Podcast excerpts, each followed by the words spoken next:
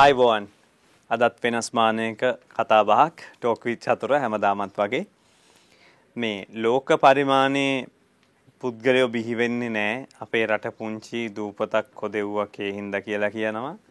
දෙකෝටි විසි ලක්ෂයක් වෙච්ච ජනතාවගේ දක්ෂතා අවතක් සේරුවට ලක් කරනවා. හැබැයි ලෝක පරිමාණයට යන නිර්මාණ ශිල්පියෝ වගේම පුද්ගලයෝ බිහි වෙනවා. නමුත් අපි ඔවුන් හඳුනාගෙනද කියලා තිදෙනවා සමහර වෙලාවට කරන ගෙන වැඩත් එක්ක. අද කතා බහ ඒ හින්දම මේ ආසියානු කලාපේ සංගීත ශේෂ්ත්‍රයට විශේෂයෙන්ම ගිටාරය සම්බන්ධයෙන් විශේෂ දෙයක් කරපු විෂය මාලාවන් හදපු ලෝකයේ මේ වෙනුවෙන් අවධානය යොමු වෙලා තිබෙන වගේම පිළිගත් සමාජ මාධ්‍ය ජාලාවල ලොකු පිළිගැනීමක් ලෝක මට්ටමින් තියෙන වගේම මේ ශේෂ්ත්‍රය නියෝජනය කරමින් ලෝකයේම රටවල් දෙසියෙන් තෝරගත්ත පිරිස අතරේ ඉතාමත්ම සීමිත පිරිස අතරේ ඉන්න කෙනෙක්ට අපි ආරාධනා කළා. ඔහු වෙනින් කවුරුත් නෙවෙයි. ඔහු අමරනාත් රණතුංග මහත්මයා. අයිබෝන් ඔබ පිළිගන්න වැඩසටහනට. අයිබෝන්. මේ ඔහොමද සාමාන්‍යයෙන් යන විදිහ හැම තැනකටම නැත්තම් ඕකද ඔබේ අනන්‍යතාවය?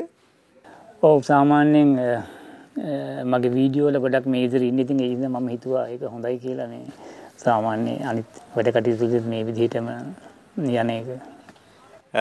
එකපාරටම ඔබ වාදන ශිල්පියෙක් කියන්නද සංගීත ශිල්පියෙක් සංගීත වේදියෙක් කියන්නද එහෙම නැත්නම් සංගීත සංයෝජකයෙක් කියන්නද? මොකක්ද කොහොමද ඔබතුමා මම හඳුනන්න ඕන? මම වාදකයෙක්. මම අවුරුදු 7 ඉඳන් වාදකෙක් වෙන්න හදන උත්සාහ කරනවා. දැඩි උත්සාහ කරනවා. තාමත් ඉවර නෑ. ඒ උත්සාහයෙන් මම කැමතියි මම වාදකෙක් හැටියට ලේබල් කරනවා නම් වාදකෙක් කියලා. අවුරුදු 7 ඉඳලා උත්සාහ කළත් දැන් මෙච්චර පිළිගැනීමක් ලෝකෙ තුර ලැබිලත් තාම පිළිගන්නේ නැද්ද ඔබ වාදකෙක් කියලා? මම හිතනවා මම තව කළ යුතු බොහෝ දේවල් තියෙනවා. ඉතින් ඒක මම කවුරු හරි කිව්වොත් එහෙම මේ මම දන්නේ මේ විෂය බබනේ ඕන විෂය කවුරු හරි කිව්වොත් එහෙම මේ මම සියල්ල හමාරයි කියලා කරලා ඉතින් මට දැක හිතාගන්න අමාරුයි කියලා. ඒ තරම මමත් ඉන්නේ. ඒකින්ද මම බොහෝ තව නිර්මාණ කරන්න ඉඩ තියෙනවා. තව බොහෝ අදහස් එනවා. ඒ සංකල්ප මගේ හැමසම මනසේ වැඩ කරනවා. ඒවත් එක්ක ඉතින් මම හිතනවා තව කළ යුතු දේවල් බොහෝ වැඩි කරලා තියෙන දේවල් චුට්ටයි කියලා. ටිකයි කියලා.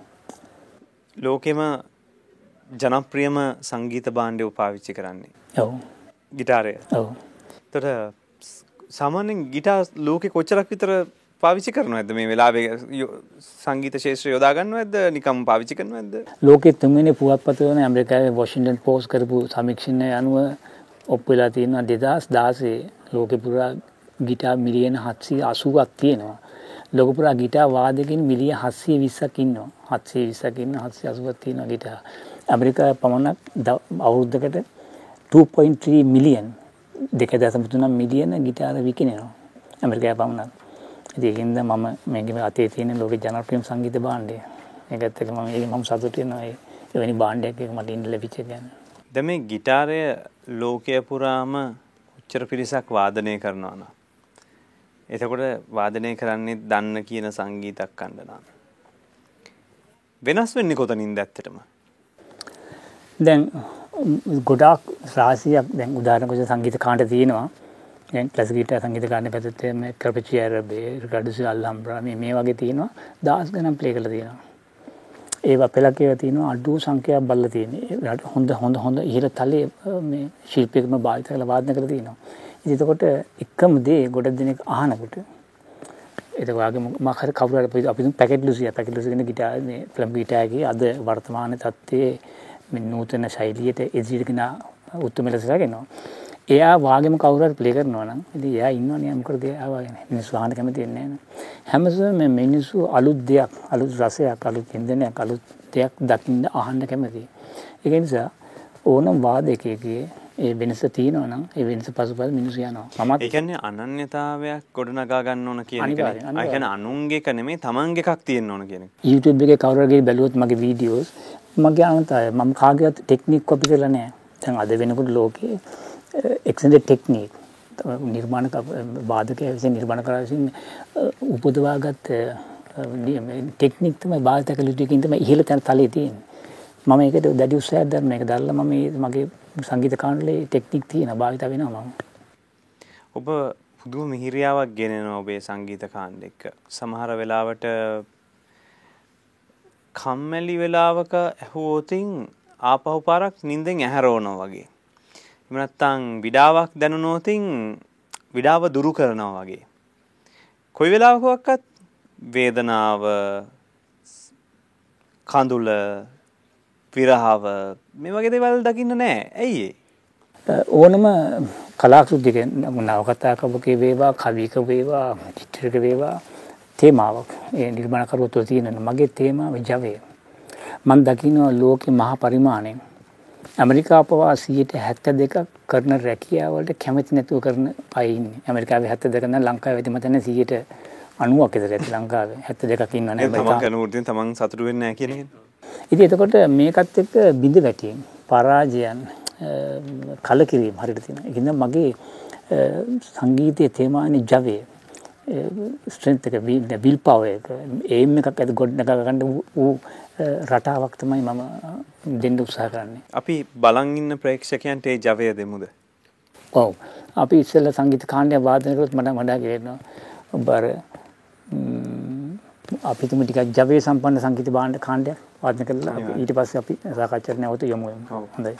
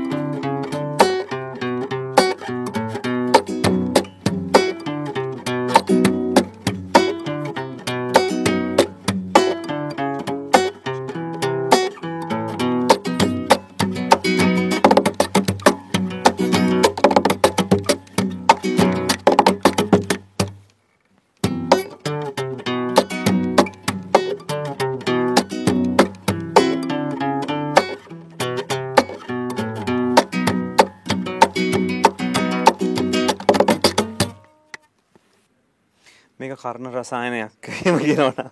හැබැයි දැන් මේ කර්ණ රසායනයක් කිව්වම අපිට ඉතිහාසෙලම මේ ගුත්තිල මූසිල වාදනයේ ඉඳලා අපි කතා කරන්නේ වාදනය ගැන. හැබැයි අපේ රටේ වාදනය කියන එක දැන් මේක වාදනය කියන එකට අපිට ගායනය කියන එකත් එක්කෙන වාදනය තමයි අපි පුරුදු වෙලා තිබෙන්නේ. වාදනයට එහෙම තැනක් තියනවද? ඔව් දැන් ලෝකයේ දැන් ලංකාවේ නම් ගීත බෙහිම වැඩි. ලෝකේ වාදනය ඉතාම ප්‍රබල තැන දැන් උදාහරණ වශයෙන් වාදකයෝ මහා පරිමාණයේ ධන කුවේරෙන් බවට පත් වෙලා තියෙනවා. ගායක නැතුව ගායක ගායක නැතුව නෙමෙයි ගායක ඉතා ඉහළින් ඉන්නවා. ඉතින් ඒක නිසා මේ ලංකාවේ මට්ටමේ නැතු වුණාට ලෝක මට්ටමේ තියෙනවා. ඒ වගේ ලංකාවේ මට්ටමේ ඒක අනිවාර්යෙන් තියෙන්නේ. මොකද තියෙනවා මම ඒ තැනට උත්සාහ කරලා තියෙන උත්සාහය සාර්ථකව තියෙනවා. මේ අර විශ්වවිද්‍යාල පද්ධතිය ඇතුලේ මේ මේ මේ ආධාරණ ශිසුන් ශිෂ්‍යයාවන් උපාධාරෙන් එළියට ඇවිල්ලා මේව තමයි ප්ලේ වාදනය නෑ මං කියන්නේ එහෙම නෙමෙයි. සාමාන්‍ය ජන සමාජයේ දැන් අපි ගත්තොත් ප්‍රතිශතයක් විදිහට අපිට කියනවනේ මෙච්චරක් අච්චරක් මෙච්චරක් මේකට ශේෂ්ත්‍රයක් විදිහට ඉන්නවා කියලා. එතකොට මේ මියුසික් වලට කැමති පිරිස ලෝකෙ වෙනත් රටක් එක්ක ගත්තයන් පස්සේ මියුසික් අහන පිරිස ලංකාවේ වැඩිද? අඩුද? මොකද්ද මේකේ හරිම අඩුයි. ලෝකේ මියසිකාන ජනගහන ඇනුව මියසිකාන සංඛ්‍යාවේ අපි දිස්ත්‍රික්කයේ 100න් පල්ලෙහා ඉන්නේ. ඇතිවන අපි 100වත් නැහැ පළවෙනි 100වත් 100වත් නැහැ අපි. කවුද මුලින්ම ඉන්නේ එතකොට ලෝකේ? ඇමරිකාවේ 88ක් ජනගහන 180ක් මියසික් අහනවා. අසල් අසල ඉන්දියාව එංගලන්තේ 81යි අසල ඉන්දියාව 71යි. ඒගොල්ලෝ කීයද ඉන්නේ ලිස්ට් එකේ? ඒගොල්ලෝ 20 වෙනි තැනට ඉන්නේ. ඉන්දියාව එච්චර මියුසික් අහලා 20 ඉන්නේ. සෝරි මේ 17 ඉන්නේ 17 ඉන්නේ. ඒ රෙවෙනියු සතින් 20 ඉන්නේ. ලංකාවේ මියසිකාන සංඛ්‍යාව ඉතා මඩි ලිස්ට කැස්බේ සීයටවත් නෑ. අපේ ඊළඟට වාදකයෝ ගත්තත් එම දැන් උදාහරණ එකන කියන්න ඕන. ස්පටිෆයි එක ස්පොටිෆයි එක එදරක් වාදකයෝ මිලියන 8 මිලියන් 3 පොයින්ට ඉන්න මිලියන අටයි දසම තුනක් ඉන්න වාදකයෝ. දෙදස් විසියකේ සැත්තම්බර් විසිහටින්ද ලංකාවේ ස්පොටිෆයි ආටිසට වර්ක් ශොප් ගත්තිබන වැඩමුළුවක් සීට් මේ සොක්කලමලින් සංවිධානය කරේ. ඒකට මටත් ඊමේල කරසුන හැන්දෑව හතරමයින පහනක ඉතින් හතරමයින පහමාරණක ඒකෙදී ලංකායි ආටිත හිටියේ හත්ලි සතර දෙනයි. ඉතින් ඔබට ඒකෙම තේරෙනවා මිලියන 8ක් ඉන්න තැන. මිලියන 8.3ක් ඉන්න ආටිස්ලා ගෙන් ලංකාවේ හිටියේ 44 දෙනයි. ඉතින් ඒකින්ද ගොඩක් ලංකාවේ ඊළඟට රෙවිනියුස් ගත්තොත් එහෙම ලෝකේ වැඩිම මම කිය යුතුමයි. මුදල් උපයන්නේ එක අංක එක වෙන්නේ ඇමරිකාව දෙක ජපානය තුන එංගලන්තය හතර ජර්මනිය පහ ඉන්නේ ෆ්‍රන්සේ හය සෞත් කොරිය හත චයිනා අට නෙද සොරි කැනඩා නමේ ඕස්ලියා දාය නෙදලන් දකොට ඊට පස්සේ ඉන්දියාව ඉන්නත් විස්සේ. අපි සීයවත් නෑ සී අතරත් ලංකාව නෑ එච්චර පොඩි ඉන්ඩස්ට්‍රිය හැටිට අපි ගොඩ පල්ලෙහා ඉන්නේ. ඉන්ඩස්ට්‍රියට අපිට තැන්ට නෑ අපි අපි තැන නෑ. දැන් මේ මේකේ එක කොටසක් මතුවෙන කොටස දෙකක් තියෙනවා. එක තමයි ඉන්ඩස්ට්‍රියක් විදිහට යන්න නම් ඒකට ලොකු ජනගහනයක් ඉන්න ඕන. ඒක වැළඳ ගන්නට ඕන. ඒක ප්‍රේක්ෂකයෝ බිහි වෙන්නට ඕන. එහෙම තමයි එක දියුණු වෙන්නේ. ඒතර අපේ ඒක හින්දාද ඒ කියන්නේ අපේ දැන් මේ 180ක් මියුසික් අහනවා පිරිසක් ඇමරිකාවෙන් දැද්දි අපේ පිරිස 135ක් 136ක්. ඔව් ඒ සංඛ්‍යාව. එතකොට දැන් මේ අපි පොඩි ප්‍රමාණයක් හින්දාද ඒ කියන්නේ අපේ මාකට් ෂෙයා එක අඩු හින්දාද ඕක වෙන්නේ? නෑ කියන්නේ මේ නව තාක්ෂණත් එක්ක යන්නේ නැති හින්දා. තරණි ගතානුගතික දේත් එක්ක ඉන්න හින්දා සෑහෙන ඒක තමයි ප්‍රධානම හේතුව වෙලා තියෙන්නේ. එහෙම නෑනේ. අපි බැලුවොත් නැත්නම් 77 විවෘතාත් එක්ක අඳුනන ඕන දෙයක් ගේන්න පුළුවන් ගෙනියන්න පුළුවන්. අපි මිනිස්සු ඕන විදිහට අඳිනවා කැමති ලෝකේ හැම දෙයක්ම පාවිච්චි කරනවා. මේ මං කියන්නේ මේ ආණ්ඩුවටද නෙමෙයි. මේ සුවඳ විලවුන්ද මොනවද? ලෝකේ නැත්තේ. ඔක්කොම මෙහෙ මොනවද? එහෙ හදන්නේ මෙහෙ එනවා. ඉතින් අපි තාක්ෂණයක ගියේ නැහැ කියලා කියන්නේ කොහොමද? සංගීත ගියේ නැහැ. මම ඒක කොහොමද ගියා? මොබයිල් ෆෝන්ස් ලෝකෙ වැඩිම තියෙන්නේ මේ චීනේ. දෙවෙනි තැන ඉන්දියාව, තුන්වෙනි තැන ඉන්දුනීසියා, හතරවෙනි තැන ඇමරිකාව. අපි 32. එතන අපි 32ට ඉන්නවා. ලෝකෙ ජනගහනය 7.9 billion. Billion. Mobile phone 15 billion තියෙනවා. එතකොට ඒකෙන් හැම තිස්සම 7 බිලියන් අතේ තියාගෙන ඉන්න මොබයිල් ෆෝන්. අපි ඒක 32ක තියෙනවා සංගීතයේ 100 පළලයක් නෑ. හැබැයි මේ මොබයිල් ෆෝන් එකේ පැමිණීමත් එක්ක හැම දිනකටම අතේ ගෙන හැකි වාදන භාණ්ඩයක් හම්බ වෙනවා. හැබැයි අපි ඒ ගහන්නේ සින්දු. අපි අහන්නේ මියුසික්.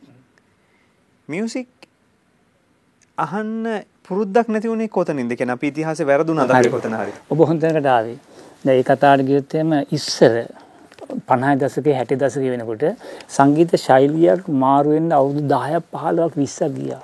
මං ගුඩා කාලය කොළඹ සමාගමත් තිබුණ එතට ගිල්ල රුපියල් දායක් දොලාගෙන රෙකෝඩ් එක මං ගෙවල සුමාන් තුනක් විතර බලා ඉන්න ඕන රෙකෝඩ් එකනකම් ඔඩ කරලා ඊට පස්සේ ලියුමක් රෙකෝඩ් එකක් ගාවලා ගෙනියන්න ඕනේ. අන්න එහෙම කාලයක් තිබුණා.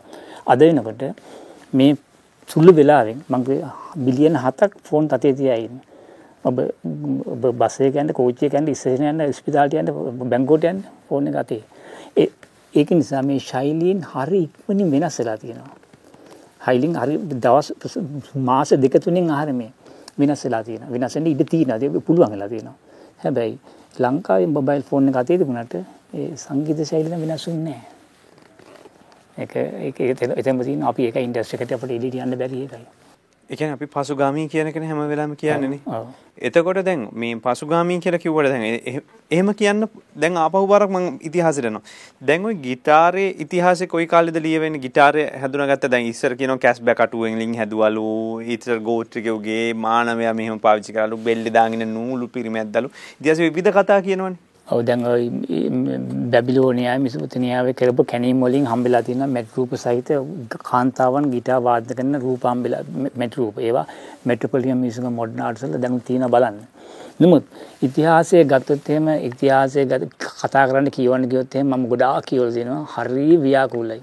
සංකීර්ණයි. හැබැයි ගිටාර් එක 500 පාලසෙන් සියවසන කොට යුරෝපෙන් ආවා කියන එක නම් අනිවාර්යයෙන්ම සම්මතයි. මේ අද තියෙන තත්ත්වයට ගිටාර් එක ආවේ යුරෝපෙන්. ආවේ. විශේෂයෙන්ම ස්පාඤ්ඤයකට ඍජුවම ගොඩක්ම බලපානවා. යුරෝපයේ ප්‍රමුඛත් එකද ෆැමි ගීටාගේ යුරෝප මේ ස්පාඤ්ඤයෙන් ආව නිසා. ඒ අරුණ විට ඊටගේ ඉතිහාස ගැන කතා කරනවා නම් ඔළුව අවුල් වෙනවා. අවුල් වෙන එක එක්කෙනා එක එක මත එක එක මත කියන්නේ. ඒකන මම මම කියවල කියලා ගොඩක් කියවල තියෙනවා. ඇත්තට වෙහෙසටපත්ලා තියෙන්නේ ඒවා පෙලක් ඒවා දෙක දෙක සමාන කරනකොට අමූලික පට්ටපල් බොරු කියලා හිතෙනවා. දැන් ඔබතුමා මේ ෆ්ලෙමින්කෝ ගිටාර එක සම්බන්ධයෙන් තමයි කෘතියක් ලිව්වේ. ඒතර ක්ලාසිකල් ගිටාර් එක ගැනත් ඒ සඳහනක් තියෙනවා. ඒතර ඕ වගේ ගිටාර් වර්ග කොච්චරක් විතර තියෙනවද ලෝකේ? ගිටාර්ක විතරයි දැන් අපි තුන් පියානක ගත්තොත් එහෙම පියානක තියෙන පියානකේ එකම පියානකේ ප්ලේ කර හැකි baroque music classical music romantic music renaissance music ඔක්කොම ප්ලේ කර හැකි ජෑස් ෆ්ලැමිකෝ ගිටාරයකට වෙනම ගිටාරයක් හදනවා ක්ලාසිකල් ගිටාරයකට වෙනම ගිටාරයක් හදනවා ලී පවා භාවිත කරන ස්ට්‍රින්ග්ස් පවා වෙනස් ඉලෙක්ට්‍රික් ගිටාරයකට වෙනම ගිටාරයක් හදනවා. ඒ වගේ ලෝකේ ශෛලින් රාශියකට දැන් පියානෝකට කියන්නේ අපි ජෑස් පියානෝ කියන්නේ නැහැ. ක්ලසිකල් පියානු කියන්නේ රොමැන්ටික් පියානු පියානු පොදු වාදන ඉලෙක්ට්‍රික් පියානෝට කියන නමුත් ගිටාර් එක ජෑස් ගිටාර් කියන ක්ලාසිකල් ගිටාර් කියන ෆ්ලැමිකෝ ගිටාර් කියන ලැටින් ගිටාර් කියන බ්ලූස් ගිටාර් මේ වගේ කන්ට්‍රි රිවිෂන් ගිටාර් ඒ වගේ රාශියක් තියෙනවා. ගිටාර් එක පමණයි ලෝකෙ මෙවැනි රාශියකට කැඩලා ඉන්ස්ට්‍රුමන්ට් හැටියට විවිධත්වයක් අරන් තියෙන ගිටාර් එක පමණයි ලෝකේ.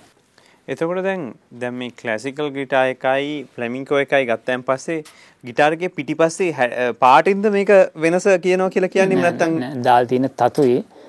උඩ තියෙන භාවිතා කර තියෙන ලී වලටෙන් තමයි ඒක තීරණය වෙන්නේ. එහෙම නැත්නම් මේ ස්පාඤ්ඤේ ලී වලින් ආවා ඒ කතා ඒ ඒක වෙන කතාවක් නේ. ලෝකේ හොඳම ගිටාර් හදන්නේ ස්පාඤ්ඤ මේ ෆ්ලැමිකෝ කතාවක් ඇසකද ස්පාඤ්ඤයමයි හදන්නේ ලෝකේ හොඳම නිෂ්පාදකයෝ ඉන්නේ ස්පාඤ්ඤේ. නමුත් මේ පොදුවේ ගත්තොත් එහෙනම් මේක බලපාන්නේ ඒක භාවිතා කරන ලීය සහ ඒක ස්ට්‍රින්ග්ස් ඒක ප්ලේ කරන ටෙක්නික් හත්පසින් වෙනස්. ක්ලාසික ගිටාර් වාදයකට ෆ්ලැම් ගිටාර් ප්ලේ කරන්න බෑ. ෆ්ලැම් ගිටාර් වාදයට ක්ලාසික ගිටාර් ප්ලේ කරන්න බෑ. දැන් ඔබතුමා කරනවානේ එතකොට. එහෙම ටිකක් අඩුයි. එහෙම ඉන්න නැතුව නෙමෙයි ඉන්නවා. ඒක මම කරා ඒ. මම කියන්නේ මේකයි ක්ලාසිකල් ෆ්ලැම් ගිටාර් දෙකේ ශෛලින් දෙක ඉගෙනගත්ත වාදකයෙක් වශයෙන් හරි ප්‍රබලයි. දැන් මම අද එනකොට ක්ලාසික ගිටාර් වාදකෙකුත් නෙමෙයි. ෆ්ලැම් ගිටාර් වාදකෙකුත් නෙමෙයි. මම ගිටාරිස් කෙනෙක්. හැබැයි ඒ දෙකේ යම්කිසි සංකලනයකින් මම ලොකු ප්‍රයෝජන ලොකු බලපෑමක් මට ආවා. මම අද මොකද හේතුව අද ප්‍රවණතාවයේ ලෝකේ ගිටාර් වාදකයෙකුට වෙන්න ඕන දේ මම කිව්වොත් හොඳයි කියලා මම හිතනවා අද වෙනකොට සංගීතයේ මම කියලා කතා කරන්නේ මේ බටහිර සංගීත කියන්නේ සංගීතයේ ප්‍රධාන දැන ගන්නේ රිද්මය. ඒ රිද්මය අලුත් විය යුතුයි අනිවාර්යයෙන්ම. අලුත් රටාවකට යා යුතුයි රිද්මය. ඒ කියන්නේ මෙලඩි හාමනි දැන් මේවා එක නෙමෙයිද ලෝකේ දුවන්නේ? මෙලඩි හාමනි එකක් දැන් නැහැ ලෝකේ. ඒක අයින් කරලා තියෙන්නේ. ඔබ බැලුවොත් එහෙම අන්තර්ජාලයේ තියෙන මගේ රොක් 6 ස්ට්‍රින්ග්ස් කියලා. ඒකේ මෙලඩි ගන්න නැහැ. ඔය 60 පාරක් අහලා බාන්න විසිල් කරන්න ටිකක් වයිල්ඩ් එකෙන් හරි ගිටාර් එකෙන් ප්ලේ කරන්න මොකුත් මෙලඩි ගන්න නැහැ. දැන්. දැන් මෙහෙම ගත්තොත් මං කැමති ඒක ප්‍රවේශයක් එක්ක ඔබතුමා එනවනම් නමුත් ඔබතුමා මතු කරපු හින්දා. දැන් ඔයක මම ඇත්තටම ඇහුවා. ඇහුවා කිය සහ මම හිතන්නේ ලෝකය සහ ලෝකයෝ එකෙත් ඕකේ යම්කිසි කොටසක් මම පාවිච්චි කරා ටික කොට කාලෙකට ඉස්සලා. දැන් විජුලතා මේගලතා කියලා ඔය පරණ විධානයන් කියපු ඒ සීගිරි අප්සරාවන්ම ඔබතුමා වීඩියෝ එක අරගෙන එකට දෙන මියසික් එකත් එක්ක වෙනම විදිහකින් මතු කරනවා. හැබැයි අපිට භාව ප්‍රකාශන නැති හින්දා මේක සම්බන්ධයෙන් හිතෙන්නේ නැහැ. නමුත් ඒකට ගැළපෙනවා කියලා හිතෙනවා.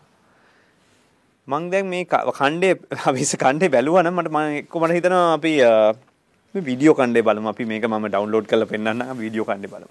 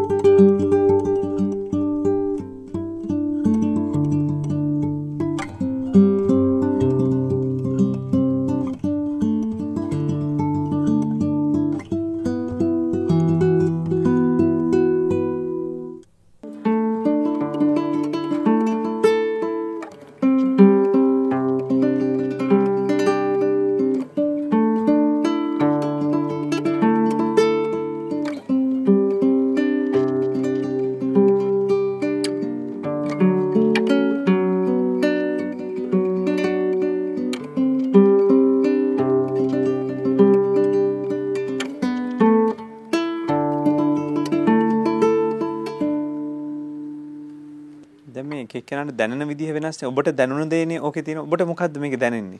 මම උත්සාහ කරන්නේ දැන් මේ දැන් සීගිරිය මේ අපේ සංස්කෘතියට අපේ රටට ප්‍රබල මේ සම්පතක්නේ. 1982 යුනෙස්කෝ විසින් ලෝක උරුමයක් ලෙස ලං කරා. ඒකින්ද ඒ මම උත්සාහ කරන්නේ එහි තියෙන වර්ණවල සංකල්පය, එහි තියෙන රිද්මය, එහි තියෙන හාමනිය එක මුලින් පෙන්වන්න මුලින් කොටසෙන් පෙන්වනවා ඊට පස්සේ මේකේ තියෙනවා මේ සංකීර්ණත්වය මොකක්ද සංකීර්ණත්වය ලෝක පුරා ප්‍රධාන කාරණා හතරක් ගැන කියනවා මේ කා මේ මේ සීගිරි අප්සරාව ගැන එක් කොටසක් කියනවා සීගිරි රජතුමාගේ මේ බිසෝන් කියලා. තව කොටසක් කියනවා ඒ කාලේ හිටිය වංශවත් කාන්තාවන් කියලා. තව කොටසක් කියනවා දිය නෑම සඳහා යන කාන්තාවන්. තව කොටසක් කියනවා පිරිරංගල විහාරයට වන්දන වෙන කොටස. හැබැයි මේ හතරම යුනෙස්කෝ පිළිගත්තේ නෑ. හතරම සනතුන්නේ නෑ. ඒ සංකීර්ණත්වය මම සංගීත කාණ්ඩය අවසන් කරනවා. ඒ සංගීත සංගීතයත් එක්ක තමයි අවසන් කරන්නේ. මටත් ඒක ප්‍රහේලිකාවක්. ඒ කියන්නේ ප්‍රහේලිකාව මම ශ්‍රාවකයටත් දෙනවා. දැන් කලාකරුවාට තමන්ගේ ප්‍රකාශනයක් තියෙන්න එපා. ඒතොර ඒ ප්‍රකාශනය විවිධ මාධ්‍ය තමන්ගේ කලාව ඔස්සේ ඔහු ලෝකෙට ගෙන යනවා. දැන් අපි ගෙනියන ඔබතුමා ගෙනියන්නේ গিitarෙන්. එතකොට මේ ප්‍රකාශනය නොකිව්වොත් ඒක ප්‍රේක්ෂකයට තේරෙන්නේ නැහැ සමහර ලාවට. ඒ ලංකාවේ. ලෝකෙ වෙනස්ද? ලෝකෙ වෙනස්.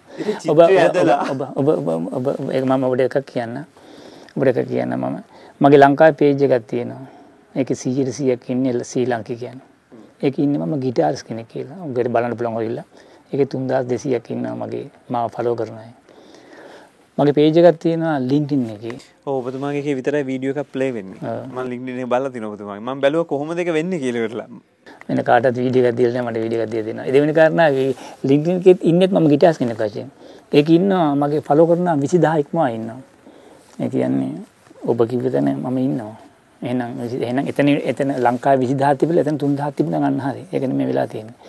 පේජ් එක පටන් ගන්න අවුරුදු 7ක් වෙනවා. ලිග්න පටන් ගන්න අවුරුදු 2ක් වෙනවා. දෙකට මට 20000ක් ඉන්නවා. ඒ වගේම මගේ ප්‍රොෆයිල් පින්තූර ඇතුලේ මට මගේ අදහස් ප්‍රකාශ කරන්න තප්පර 30 කාලයක් දීලා තියෙනවා. හරිම රෙයා ලක්ෂයකට එකක් දීලා තියෙනවා. උන්ට බාන්නේ ලිග්නින් ප්‍රොෆයිල් එකේ මම මාගෙන වර්ණනා කරන්නේ මේ. අඳුරන්නේම නෑනේ මේ නෑ නෑ. ලින්ඩින් පොව අයිතිකාරකන රීඩ් හොෆ්මන් ඕන මිලියන කෙනෙ මම දැකලවත් නෑ පාටවත් නෑ. ඇමරිකන් ජාතික බවදන්න වෙන කිසිම හිතවත් කවල්ල ඇතියකින්ද මම ඒ ඒ අය අනන්තාවය මට ලැබිල තියෙනවා. එතන ඔබ කිව්වගේ ඔබ ලෝක පරිමාණයේදී පිළිගැනීමට ලක් වෙනවා ඔවු නැත්නම් ඉතින් දැන් දැන් දැන් 30 තියෙන ප්‍රසංගයේ රටවල් 200කින් 300ක් වාදකයෝ තෝරන් තිනවා. මම ඒ 300 තුල ඉන්නවා. මොකක් හරි මගේ වාදනයේ විශේෂයක් ඇති නේ. දැන් 300ට මම තෝරගත්තේ ඇයි මාව? තෝරගන්න දැන් මම 30 වෙනිදා උදේ 10ට ලංකාවේ වෙලාවෙන් ඒ රටවල් 200කට මම පේනවා ඒක බලන්න පුළුවන් මේ සෙෂන්ස් වල මම ප්ලේ කරනවා. ඒ මොකක් හරි අන්තාවක් ඇති. ඒක නේ මම මම සේෂන් එක අයිතිකාරය කවුද කියලා මම දන්නේ නැහැ. කවුද මම එහෙම හිතවත්කම කරලා නෙමෙයි. මට email can play for the uh, festival. ඒක තියෙන්නේ Noise Festival එකෙන් තියෙන්නේ. දවස් 7ක් යන 27 වෙනි ඉඳන් 31 දක්වා ලෝක පුරා මිෂන්ස් 300ක් ප්ලේ කරනවා මේක. ඔබතුමා ඊට ඉස්සෙල්ලත් ওই විදිහටම ඇගීමට ලක් වුණා. ඔව් කොරෝනා කාලේ මේ රටෙහි මේ බ්ලොක් කරලා තියෙද්දි එංගලන්තයෙන් පවත්වපු මේ ග්ලෝබල් කොන්සර්ට් එක මම ප්ලේ කරා. ලංකාවෙන් මේ ආසියාවේ මං හිතන්නේ දෙන්නයි තෝරන් හිටියේ කෙනෙක් පිලිපීන්සුද එක්කෙනෙක් මම. දැන් මේ ගිටාර එකට අපේ ක්ලාසිකල් මියුසික් වල වෙන වෙන උපාංග වලට එහෙම නැත්නම් වෙන වෙන සංගීත භාණ්ඩ වලට පිළිගැනීමක් තිබ්බට අපේ රටේදී ඒ භාණ්ඩ වාදන ශිල්පියෝ පිළිගැනීමට ලක් වුණා. ගිටාර එක වාදනය කරනවා කොහම ඔය පිළිගැනීම නැත්තේ ඇයි? එහෙම ඒක ඒක මට පිළිගන්න අමාරුයි මොකද හේතුව මේ ලංකාවේ ගිටාර එක ගොඩක් ජනප්‍රියයි. ඒක ජනප්‍රියයි. වාදන වාදන භාණ්ඩයක් විදිහට ජනප්‍රියයි. නමුත් මම කියන්නේ යම්කිසි වාද්‍ය භාණ්ඩයක් වාදනය කරනකොට දේශීය වශයෙන් ආපු එකට ලොකු තැනක් හම්බලා තියෙනවා. නමුත් මේක පිළි අරගෙන මේක ලෝක මට්ටමේ කෙනෙක් කිව්වට ඒකට තියෙන තැන මදි කියලා මට හිතෙනවා. ඒක තමයි මම යන්න යන්නේ ඊට පස්සේ ගිහිල්ලා තියෙන එකයි. මට එක තේරලා මම ඒ පැත්තට යනවා ටික ටික ඒ ගන්දුණු කරන්න ඕන කට්ටියත් එක්කනේ. එතකොට ලෝකේ අපේ රටෙන් එහෙම සංගීත ශිල්පියෝ බිහි වෙන්නේ නැද්ද අපිට බැයිද ඒ ලෝක මට්ටමේ අය හදාගන්න? ඇයි නැත්තු මාලි ජේසන් පීටර්ස් කියන්නේ මහාචාර්යවරිය පියානෝකට ලෝකෙ අවුරුදු 84 ඉඳන් වයස. තාමත් පිළිගත්ත ලෝකෙන් පිළිගත්ත කෙනෙක් ඒක රෝහන් ඩිසිල්ලා ඇමරිකාවේ ඉන්න බෙස්ට් මේ කම්පැනි කෙනෙක්. ජුලියා ස්කූල් මියුසික් ඒ ලෝකෙ තියෙන හොඳම විශ්වවිද්‍යාලෙ ගෙන්නේ. අපි Sri Lankan of the year වුණා. ඔව් ඔව් මම දැක මේ සම්මානයක් දෙනවා. කවුද ඒෂාන් පිල්ලේ රොයල් ඇකඩමි එකේ senior lecturer in cello Rohan ඩිසේරම් Leeds යුනිවර්සිටියේ සම්බන්ධලා හිටියා. අද ලෝකෙ ඉන්න හොඳම චෙලෝ වාදකයෙක්. මේ වගේ ලෝකේ අපේ ශ්‍රී ලංකාවේ ඉන්නවා. ඉතින් ඒ රට ලෝකෙ හිටියට අපේ රටේ නෑනේ ඔක්කොම දාලා ගියපු කට්ටියගේ නම් නෙමෙයි කියන්නේ. ඉතින් ඔබ කලින් කිව්වනේ මෙහෙ නෑ කියලා. ඉතින් ඒක හින්දා ඉන්දියයි. ඔබම කලින් කිව්වා මෙහෙම නෑ කියලා. ඉතින් ඔබ විතරයි ඉන්නේ එතකොට බලන්න. මම යන්නේ මම යන්න බෑ මට යන්න බෑ කියලා මම මම අනන්තාරණේ ගොඩනගන්තේ දෙවන කරනවා මම විශ්වවිද්‍යාල පද්ධති දෙකක සිටිපස් හදලා මම උගන්වනවා. ඉතින් මට කොහොමවත් යන්න බෑ.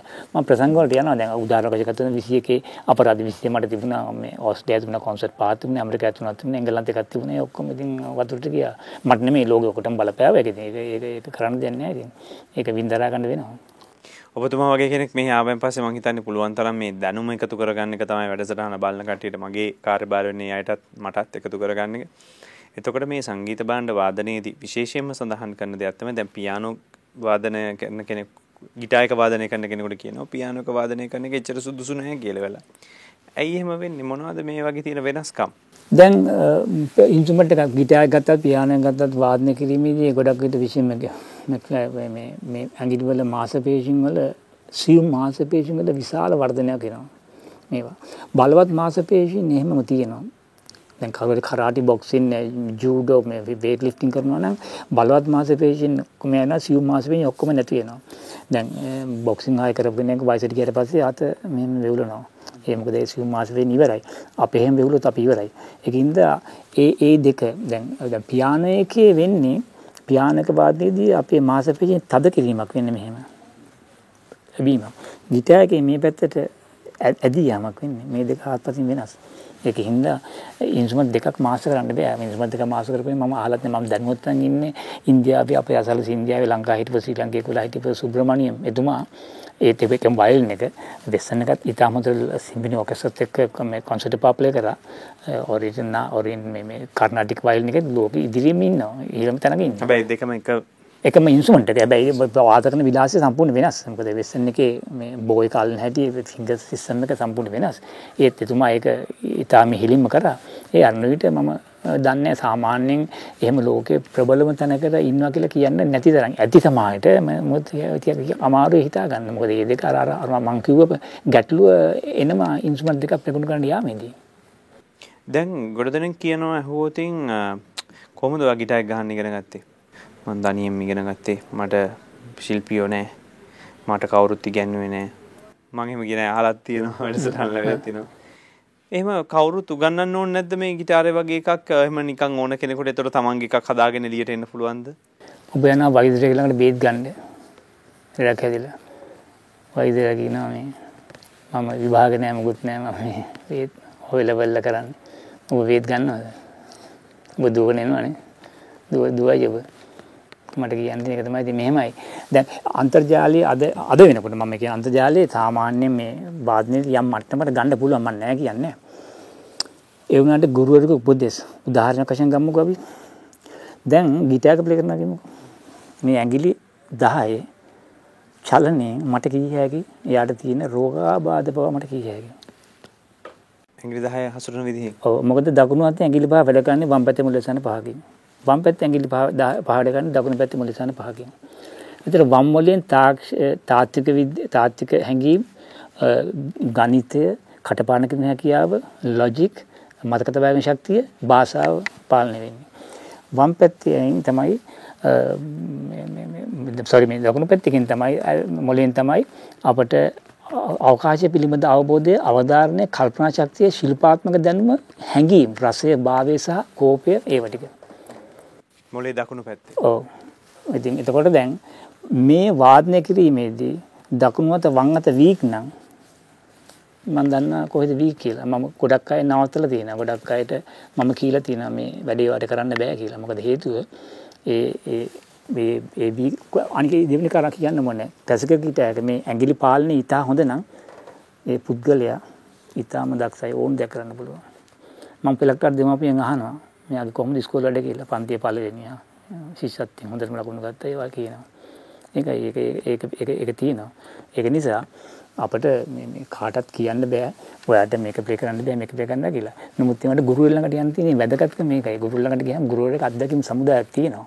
අත්දැකීම් මම මම ඉගෙන ගත්තේ ලෝකේ ඉන්න හොඳම ගුරු දෙන්නේ මම ඇමරිකන් ජාතික මෙවිසන් ක්ලාස් ගිටාර් ඉගෙන ගත්තා. කාගෙන්ද? ඇමරිකන් ජාතික මර්වින් සැන්ඩර්සන් ක්ලාස් ගිටාර් ඉගෙන ගත්තා. මෙක්සිකන් ජාතික ෆ්‍රෙඩ් බ්‍රූනෝගෙන් ෆ්ලම් ගිටාර් ඉගෙන ගත්තා. ඊට අමතරව පොත්පත් කියවලා ත්‍රජාලයේ ළමයිට උගන්ලා ගරුප් එකට උගන්නවා කියන්න ගරුප් එකට කැම්පසගේ තියත් ඉස්පාක් නමට ඉන්නවා ෆසිය ගිට කරන්න එක කෙලෙක්ෂර එකට හැත්තෑවක ඉන්න හැත්ත පහක් ඉන්නවා ඒ වගේ ගරුප තිස්පාක ඉන්නවා එතින්ති ගුවර්දන අත්දැකීම හිත බන්න අත්දැකීම් සමුදාය මොනතරම් රේන්ජිකද මම ඉන්නේ? මොනතරම් රේන්ජ් මම කව කරනවද? හැම කෙනෙක් ළඟටම යනවා. මම ඉඩ දීලා වාඩි වෙන වාඩි වෙන කෙනෙක් ඉඩ දීලා හැම කෙනෙක් ළඟට යනවා. ළඟට නොගියොත් ඒ ශිෂ්‍යයා පොඩි කලකින් දැන් මම ඔබට මම ඇවිල්ලා ළඟට ඇවිල්ලා මොකක් හරි හදනවා. අර ළඟට ගිහින් දැන් ප්‍රශ්නයක් එනවා. මම බොරුවට හරි යනවා මොකද හේතුව ඒක ඒ සම්බන්ධතාවය තියෙන්න ඕනේ. ඉතින් ඒක නිසා ඒ අත්දැකීම් සමුදායේ ගුරු ළඟ තියෙනවා. ඉන්ටර්නෙට් එකේ ඒවා බොහෝ අඩුයි. ඒකින්ද ඉන්ටර්නෙට් එකේ මම ඇය කියන්නේ කරන්න පුළුවන්. කරගෙන යන්න පුළුවන්. යම් මට්ටමකට. හැබැයි ඔබ ගැඹුරින් අදහන ඔබ සංගීත වාණ්ඩය හදාරන්න යනවා. අනිවාර්යයෙන්ම ගුරු ළඟට යා යුතුයි. ඉතින් ලෝක සුප්‍රේට කීමක් තියෙන ඔබ ගුරු ළඟට ගිහිල්ලා ඉගෙන ගන්න බා සංගීත භාණ්ඩය හදාරන්න. ඉන්පසු සිද්ධාන්ත පිළිබඳ හොඳ හදාරන්න. ඉන්පසු ඔබ වාදක සංගීත භාණ්ඩ ගැන වාද කරන්න. වාද කරන සියල්ල සංගීතය වේ. කියන්නේ දැනගෙන ගිය කතරගම කතරගම මේක ඔතමා කියපු දේවල් එක්ක මේ දැන් ඔය මොලේ වම දකුණ වැඩ කරන විදිහත් එක්ක ඔබ සංගීත භාණ්ඩේ වාදනය කිරීම ගැන කිව්වා වගේ මෙතකොට සංගීත ශ්‍රවණය කිරීම කියන කාරණේ වඩා වෙනස් වෙනවනේ. ඒකේ මොකද්ද තියෙන බලපෑම? ඒකේ දැන් දැන් මං කියවන්නේ දකුණු මොලේ තමයි කල්පනා ශක්තිය අවබෝධ කරගන්න හැකියාව අවධාරණය. ඔව්. ඒකේ තියෙනවා මේ මේ දුක ශෝකය කෝපය වැඩිපුර කෝපය යන කෙනෙකුට වැඩිපුර දුක් වෙන කෙනෙකුට අර ඔක්කොම කව වෙනවා. ඒකින්ද ජීවිතේ තරහ ගන්න පානිතර ජීවිතේ දුක් වෙන්න පානිතර ඒ ඔක්කොම හැඟීම් ඇවිල්ලා අර වැටපත් කරනවා. ඒ ප්‍රධාන කරුණු දෙක උඩ එනවා. අගු එනවා. ඇවිල්ලා කල්පනා ශක්තිය ශිල්පාත්මක දැනුම ප්ලේ කෙනෙකුට කල්පනා දැනුම හරිම වැදගත්. ප්ලේ කෙනෙක් ඕන්ඩා තරහ යනවා නම් ඕන්ඩා ගොඩක් කනකාරදායක. ඒකින්ද මම ඒ කියන්නේ මූලික මනුෂ්‍ය ගුණාංගවලට එහා ගිය දේවල් ටිකක් ප්‍රගුණ කරන්න ඕන සංගීත වේදියෙක් වෙනවා නම්. ඇයි එතන තියෙන කල්පනා ශක්තිය සහ ශිල්පාත්මක දැනුම? ඒ දෙක නැතුව ප්ලේ කෙනෙක් කොම්පෝසින් කරන්න බෑ. ප්ලේ කෙනෙක් වෙන්න බෑ. ශිල්පාත්මක දැනුම ඒ කල්පනා ශක්තියයි අනිවාර්යෙන්ම ප්‍රබල එන්න ඕනේ. ඒතර ඔබ මේ මේ මේ මේ තදර තදර තරහ යන කෙනෙක් දැන් උදාහරණයක් අපි ගමුකෝ.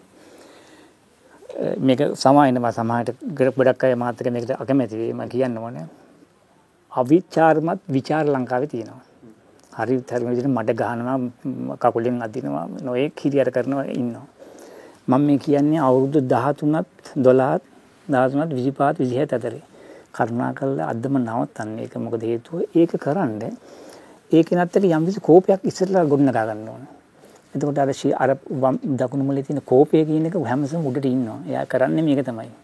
අර කොම්පල්ලේ හරින අවුරුදු 25 26 27 ගියට පස්සේ ආයෙ ගොඩ ගන්න බෑ ටූලේ. එයා ජීවිත කාලෙම රොයිටර් කෙනෙක් වෙලා ඉතින් මඩ ගහගෙන ඉන්නවා. ඉතින් වෙන කරන්න දෙයක් නෑ. එයාගේ එයාගේ හැකියාව ඒක තමයි. ඒක නිසා හරි පරිසම් ඉන්න ඕනේ. අපි මොලෙත් එක ගන්දුන කරද්දී හරි මෙයා වෙන්න හොඳම දේ තමයි. දැන් බලන්න දැන් බලන්න ගොඩාක් කලාතුරකින් තමයි බුද්ධිමත් දෙමව්පියන්ගේ ළමයි නන්නත්තර වෙන්නේ නැහනේ. පිටරට විශ්වවිද්‍යාල ඉගෙන ගන්න සල්ලිත් තියෙනවා අරලා කොහොම හරි ළමයි ගැන ඇයි හේතුව? ඒගොල්ලෝ ඒ පාලනය දන්නවා. ගොඩක් විට අර අරගොල්ලෝ එන්නේ නැතුව කියනවනේ මේ මං කියන්නේ. ඒකෙන්ද පුළුවන් තරම් හැමසම අපි මේ පාලනය අපි අපේ අපේ වැඩපළ වලදී අපි යම්කිසි ඉදිරියට යෑමේදී අපි හැමතිස්සම මේ ගැන දෙපරක් සිතු වෙනවා. ඉතින් මාලකට එන ඕන ශිෂ්‍යයෙකුට මට කියන්න පුළුවන් කොහෙද යන්න කියලා. එක ලෙසන් එක මම කියනවා. එක ලෙසන් එක ලෙසන් හතර පහ කරන්න ඕනේ. වෙලකට මම කියනවා එන්න එපා පුතා මේ. මට විශ්වවිද්‍යාල පද්ධතියත් කියන්න බෑ. මට අයිතියක් නැහැ ළමෙන් අයින් කරන්න. මොකද මම සල්ලි ගන්න ප්‍රයිවට් පන්තිවල. ඒ සල්ලි yaadෙන්නේ නැහැ මට සාධාරණයි. මම කියනවා එන්න එපා වැඩම කරන්න බෑ කියලා. හොඳින්ම කියනවා. හේතුව මේකයි.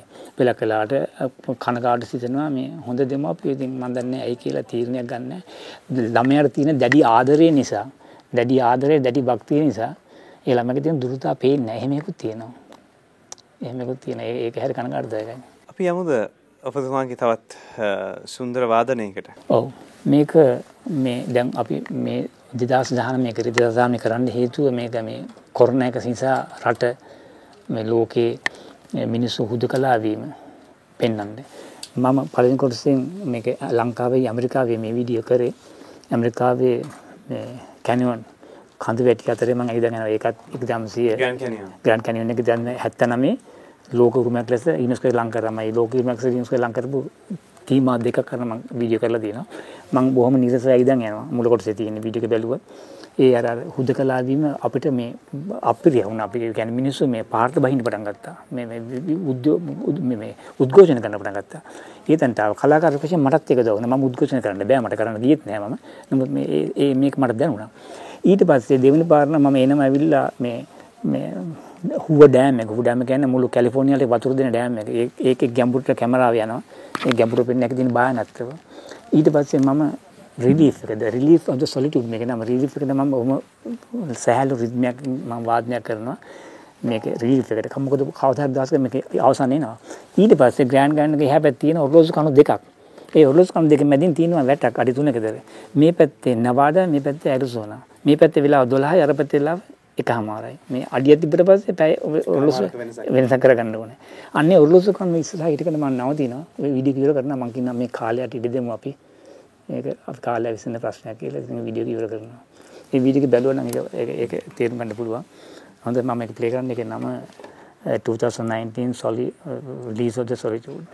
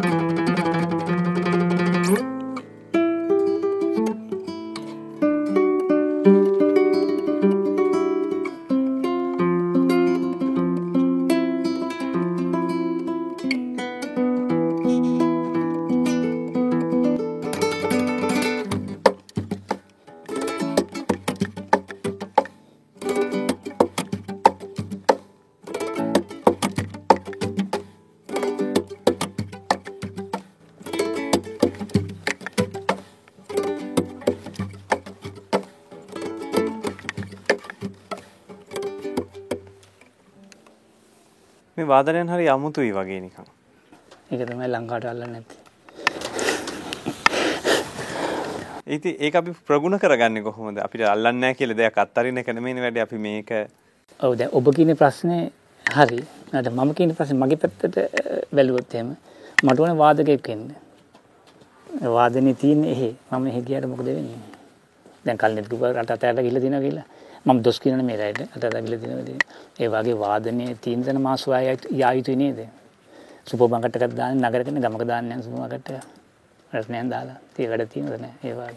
ඒකින්ද තමයි මේ අපේ බිහිවන සුළු පිරිස් පවා ලංකාව දාලා යන්නේ.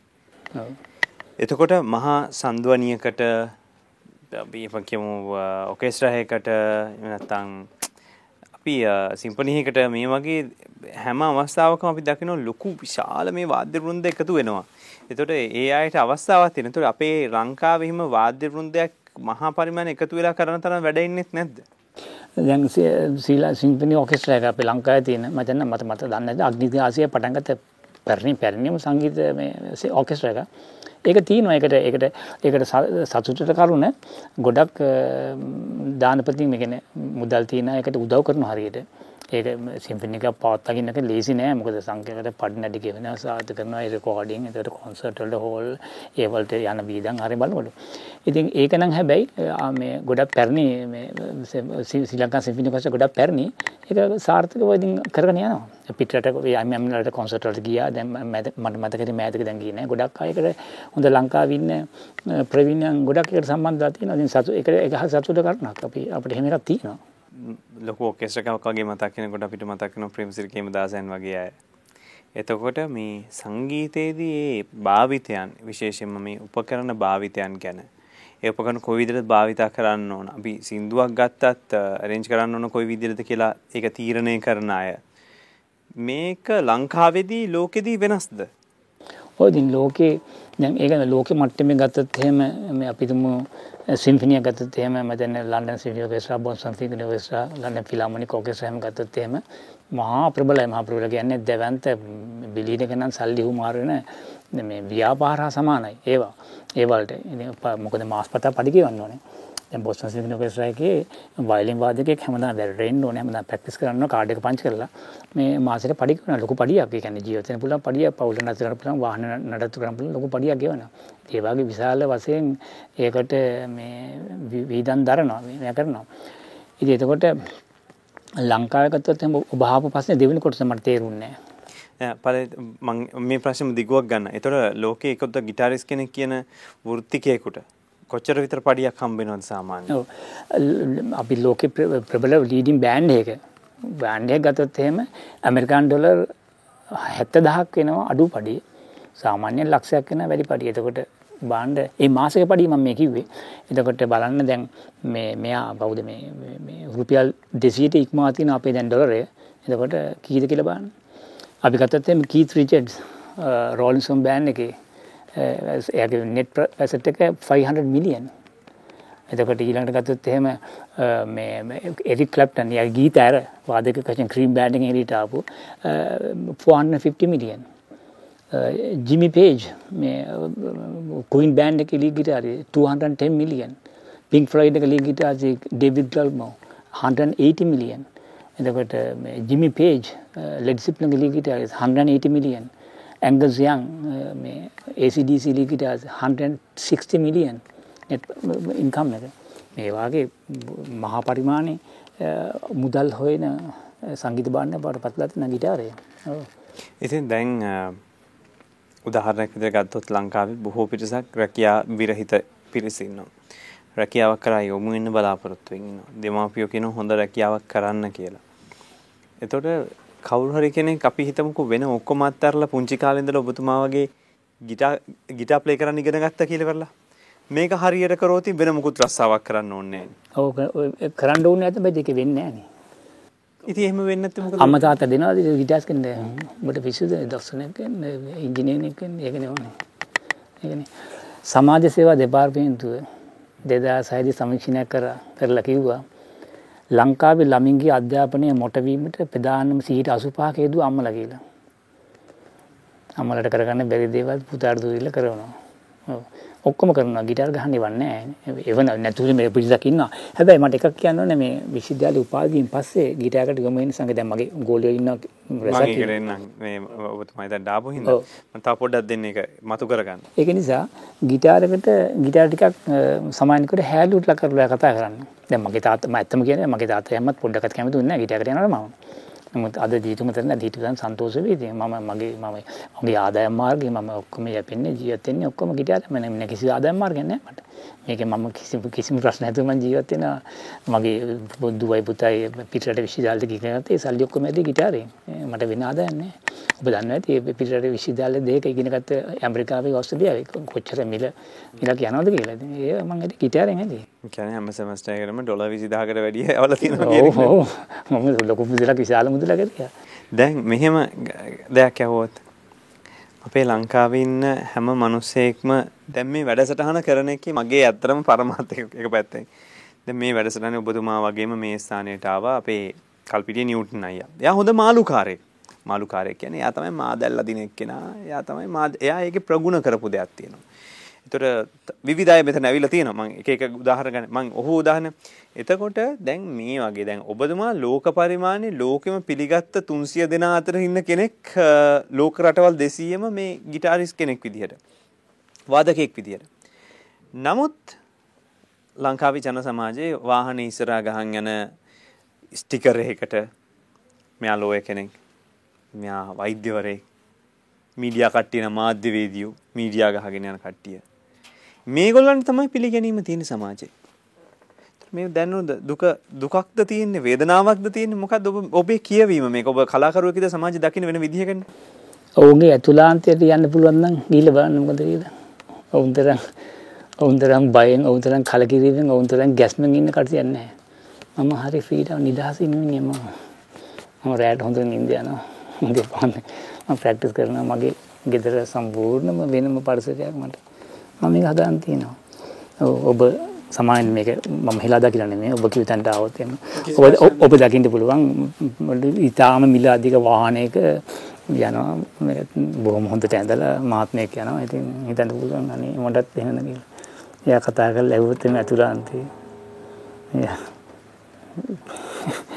ඉතින් ගේ බැංකුවට තියලා බොහෝ විට යන වාහනේ ලීස් එකට තියෙන්නේ. සමාගමේ ගොඩක් ඉඩ බඩු මුට්ටු ඔක්කොම ලීස් එකට යන්නේ. මම මේ මෙහෙලා ඇත්ත කතාව මම සත පහක් කාටවත් නැහැ නේ. කිසි කෙනෙකුට නැහැ නේ. මම නිදහස් වෙන්නේ සුවාදින මිනිහ මම. ගිටාරකින් හෙව්වේ. ඉතින් ඒක නිසා දැන් අම්මලට අම්මලා අම්මලා දෙයිද නිව්ටන් කෙනෙක් බිහි වෙන්න පුතාව නිව්ටන් කෙනෙක් වෙන්න දෙයිද අම්මලා නෑ නෑ නිව්ටන් නිව්ටන් උනා කොහොම හරි නිව්ටන්ගේ අම්මෙන් අහලා බලන්න කැමති කියලා දැන් කැමති ඇති නිව්ටන් වුණාට නිව්ටන් හැබැයි ඒ වගේම තමයි අම්මලට කැමති නෑ නිව්ටන් වෙන්න කැමතිත් නෑ. ඒ මිනිහා මගේ පුතා අමරනාත් වගේ වෙන්න කැමතිත් නෑ. ඒ දෙකම පා මගේ පුතා දොස්තර මගේ පුතා ඉංජිනේරු ගණකාධිකාරී හැබැයි ඉතින් අර මං කිව්ව 72ක් ඉන්නවනේ ඇමරිකාවේ. මම නෙමේ මේ ලෝකෙම පිටිගත් සමීක්ෂණයෙන් ඔප්පලා තියෙන්නේ. ලංකාවේ ඊට වඩා ගොඩාක් ඉන්නවා ඇති. ඒගොල්ලට අමාරු යනවා. ලෝකයේ ආර්ථික විද්‍යාඥයින් කියනවා ලෝකෙ ඉන්නේ 100 කියලා හිතමු ජනගහනය. සල්ලි ගන්දු වෙන්නේ ලක්ෂයයි. මේ මේ ලක්ෂේ 10 දිනක අතර 90ක් තියෙනවා. ඉතුරු 10000 තියෙන 94. ඒක තමයි හදෑම් බෙදියම් විෂමතාව ලෝකයේ. ඕක ඕක ඕක නවත්තන්න බෑ. ඔබ කොච්චර උත්සාහ දරුවත් ඔබගේ වැඩසටහන සමාවෙන්න මම ඔබ කලකිරීම පත්තේ මම කිව්වා කියලා. නෑ එහෙම කලකිරීමක් නෑ ඔබ විවෘතයි මේක කියන්න ඕනද? මේ අර පැත්තට යන සෙනක ඔබට කොහොමත් ගන්න බෑ. මේක වෙන්න එහෙම වෙන්න බෑ. අද ඇමරිකාව කියන ඊලොන් මුස්ක් 2029 ලෝකෙ පළවෙනි ට්‍රිලියන වෙනවා කියලා. මාත් හිතෙනවා. අනිවාර්යෙන් ඒ කියන මාත් ඔහු තමයි ලෝකේ වසරේ මිනිසා උනේ ගියේ. ටයිම් මැගසින් එකේ පර්සන් ඉයර්. ඉතින් 2029 වෙයි ඒක. ඔව්. හැබැයි ඔක්කොම නෙමෙයිනේ. ඊලොන් මුස්ක් එක්කෙනා ඉන්නේ. එක්කෙනා ඉන්නේ. ස්ටීව් ජොබ්ස් එක්කෙනා ඉන්නේ. ඇලෙක්සන්ඩර් ගේට්ල එක්කෙනා ඉන්නේ. තෝමස් අල්ලා එඩිසන් එක්කෙනා ඉන්නේ. මේ ලෝක ජනගහන විශාල සංඛ්‍යාවක් එක්කනේ. ඉතින් ඒක ඔබ ඔබගේ වැඩසටහනින් මම ඔබට සුබ පතනවා. එහෙම කෙනෙක් බිහි වෙන්න ඔය නම හරි ආසයි. සාධාරණ සමාජයක් මිනිස්සු විදිහට ලෝකෙ දකිනවා නම්. සාධාරණක හදාගන්න පුළුවන් වෙයි. නමුත් මම කියන ඉහළ ප්‍රමිතින් යුතු දැවන්ත චරිත මුළු ලෝකෙම බිහි වෙන්න කිව්වොත් මොකද වෙන්නේ? අර ලක්ෂයට කොච්චර රණ්ඩු කොලා කරගන්නේ? දැන් ලක්ෂයට 100 දෙනාම ලක්ෂෙ මොකද වෙන්නේ? ඒකයි ඒක ඒක නව ඒක ඔබට ඒක මම ඒක උත්සාහ කරන්නෙත් ඒක නවත්තන්න බෑ මම කියන්නේ දැවන්ත චරිත බිහිවීම කියන එක නෙවෙයි. මිනිස්සෙක් විදිහට ජීවත් වෙනකොට හැම වෘත්තියකටම ගෞරවයක් තියෙන්න ඕන. මට පාරාතු ගන්න බෑනේ. මට පාරාතු ගන්න දන්නේ නෑ. මම මම අතු ගන්නේ ගෙදර. වත් හැබැයි පාරාතු ගන්න එක එක එක්කෙනා ප්‍රැක්ටිස් කරලා කරලා කරලා කරලා ඒකේ යා නිපුණතාවයක් ඇති කරලා තියෙනවා. ඔබතුමා ගිටාර් එක ගහලා ගහලා ගහලා ගහලා මේකේ නිපුණතාවයක් ඇති කරගෙන තියෙනවා. එතකොට ඒ නිපුණතාවයට අපේ ගරු කිරීමක් තියෙන්න ඕන කියන මම කියන්නේ. මම කියන්නේ මේ ඔහු හෝ ඇය කරන ඒ රැකියාව තුළ ඔහු උත්සව පහත් විය යුතුයි කියන මම කියන්නේ ඒකයි දැන්. ඔව් දැන් ඔබතුමා ගැන ගත්තොත් එහෙම ඔබ මේ තැනට එන්න කොච්චර වේස් නැගලා බලවලත් එහෙම උදේ දවල් රෑ ඔබතුමා රෑට නිින්දට යද්දිත් මේ ගැන හිතලා බුදිය ගන්න. ඔබතුමා උදේ නැගිටින්න මේ ගැන හිතලා. ඒක නිසා එහෙම මිනිස්සු බිහි වෙන්න අමාරුයි. එහෙම එහෙම අය. මම විශ්වවිද්‍යාල පද්ධතිය ඇතුළේ ගැන මම ඔබ පසු අහනවා මම කියන්න. තාරුණ්‍ය ලංකාවේ තාරුණ්‍ය යණයක් ගැන්දන් ඔබතුමාට මම ගොඩක් දන්නවා. මම අවුරුදු 18 20 හිටියේ තාරුණ්‍යත් එක්ක. දැන් මම වයස්ගතයි. දැන් ඉන්නේ තාරුණ්‍යත් එක්ක. මට කියන්න අමතකුණයි කතා මං ඒක හඳුන්වා දෙන්නම්. මෙන්න මෙහෙම මේ කතාව හඳුන්වා දෙන්නට ඕන. මොකද ලෝකේ විශ්වවිද්‍යාල පද්ධතිය තුළ ගිටාර් ශෛලිය හා සම්බන්ධ ඉගැන්වීම් ආරම්භ කර පළමු ශ්‍රී ලාංකිකයා වන්නේ අමරනාත් රණතුංග මහත්මයා. ඒ වගේම ආසියාව තුළ විශ්වවිද්‍යාලයක් උදෙසා ක්ලාසිකල් සහ ෆ්ලෙමින්කෝ විෂය විශ්වවිද්‍යාල නිර්දේශ පත්‍රයක් සකස් කළා.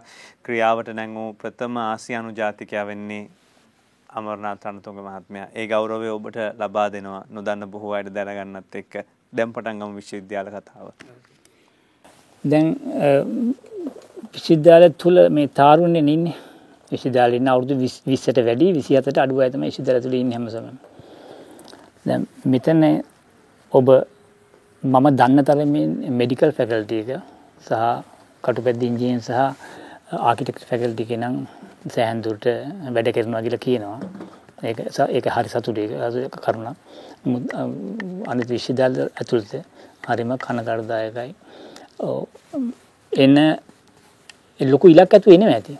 මං නෑ කියන්නේ. ලොක ඉලක් ඇතු වෙන ඇති. හැබැ ඇතුළට ආට පස්සේ ඉලක්කයට වෙච්ච දෙයක් නෑ. ඉලක්කය එක්කෝ ප්‍රේමය එක්කෝ පිකටින් එක්කෝ රැග් එක.